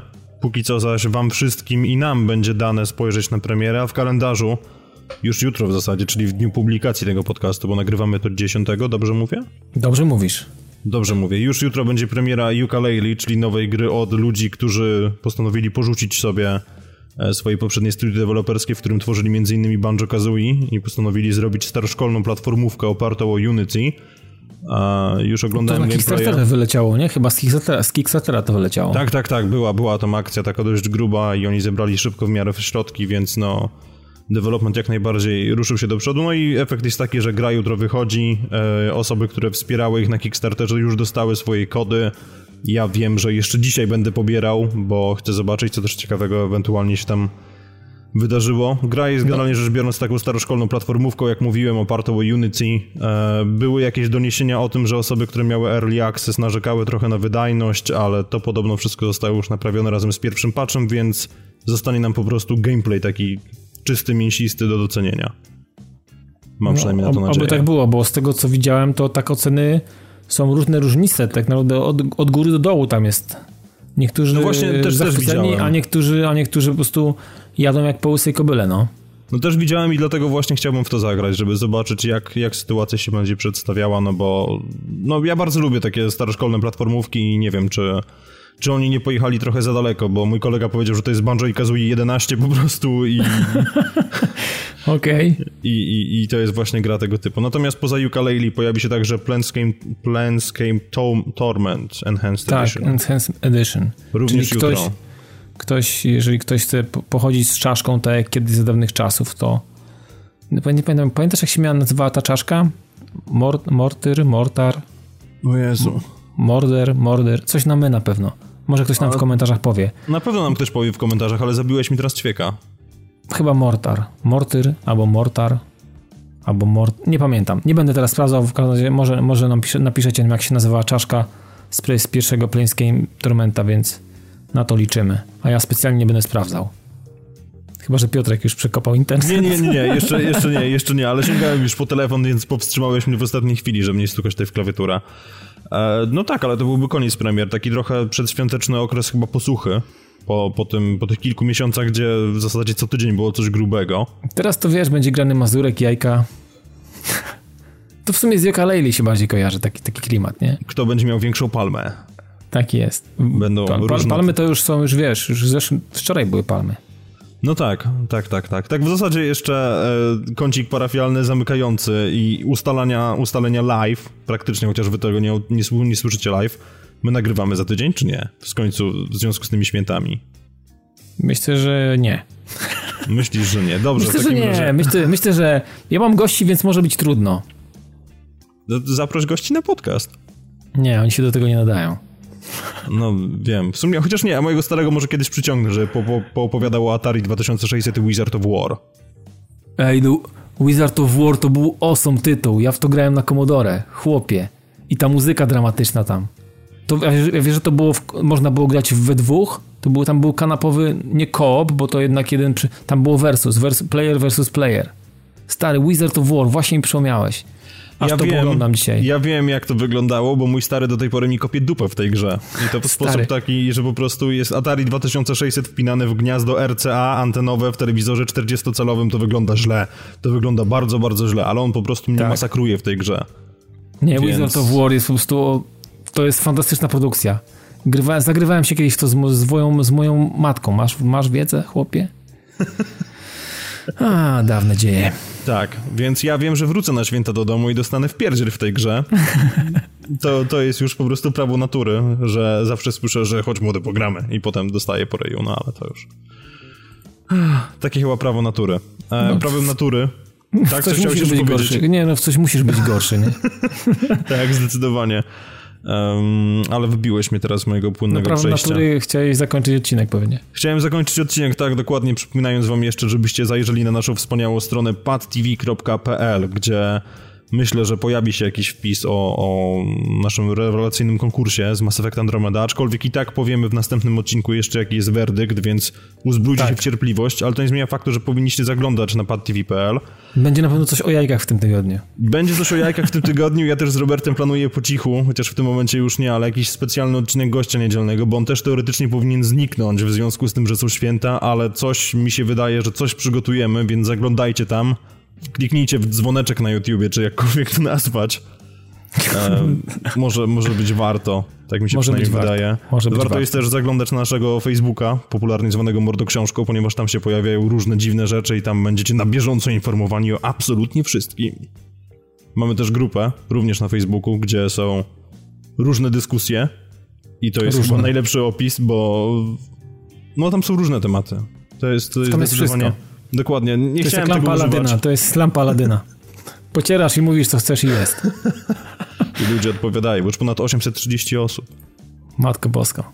A pamiętasz, kiedyś gadaliśmy, że nie pęknie 900 tak w miarę szybko, a, a tu już jest w tej chwili bodajże 840 nawet przeleciało już. Tak? Tak no jest. Wesoło, codziennie wpada jakieś powiadomienie. Ponadto wszystko mamy jeszcze Twittery i to mamy tych Twitterów pięć sztuk w sumie, bo każdy z nas ma, w tym także Robert, który jest obecnym duchem i firmowy, I firmowy do tego. Firmowy. A ponadto, jeszcze tak, żeby była po prostu wisienka na torcie i to sponsorowana przez was niejako, mamy jeszcze Patronite'a. Mamy. Który pozwala nam właśnie na recenzję, na recenzję gier, które no kompletnie nas uniezależniają, trudne słowo, tak, od wydawców. Można można. I od ich fanaberii i właśnie dzięki wam między innymi e, Tomek sięgnął po Personę 5, które, o której dzisiaj co nieco opowiedział, ale do tematu jeszcze na pewno wrócimy, no bo nie oszukujmy się, że no jak widać jeszcze nie grał za dużo. Tak, tak, ale to warto było zauważyć, że jeszcze, jeszcze sobie na ten temat pogadamy. I co? I chyba w zasadzie to jest wszystko, co mamy w rozpisce. Mi tu jeszcze tylko się pokazuje, żebym dodał tysiąc więcej wierszy na samym dole, ale chyba nie będę nie, tego robił. To, to nie, w, nie w tym odcinku. Dobrze, w takim razie Dawidzie, dziękuję Ci serdecznie za to, że postanowiłeś uczestniczyć w tym cudownym nagraniu. Dzięki i do usłyszenia za tydzień standardowo. Nie Jak za tydzień, najbardziej. kłamałem. Nie, zobaczymy. No, to mniejsza o to. Wiesz, ja się pomyliłem na początku, to na końcu wszystko jest ok. To tak jest budowa jest. klamrowa, także wszystko tak się jest. zgadza. Poloniści będą zachwyceni. Był z nami jeszcze także Tomasz, który musiał uciec. W zasadzie Tomek, bo on się chyba obraża, jak się do niego mówi Tomasz. No i Robert był też. No i Robert był też, jak najbardziej. Robert, który duchem zasilał płynne przejścia, póki nie zostały zepsute. Ale Robert przyłożył rękę do tego odcinka, okładki zrobił zanim wyjechał, więc naprawdę solidna jednostka z niego jest. A to jest już w ogóle jakiś fenomen, że on wie, o czym będzie mówione, zanim było mówione. Nie wnikam. Zrobił kilka wariantów, więc wybierzemy którąś. Kryształowa kula. I byłem także ja, Piotr. Dziękuję wam raz jeszcze za uwagę i do usłyszenia w kolejnym odcinku, a wcześniej w gościu niedzielnym. O!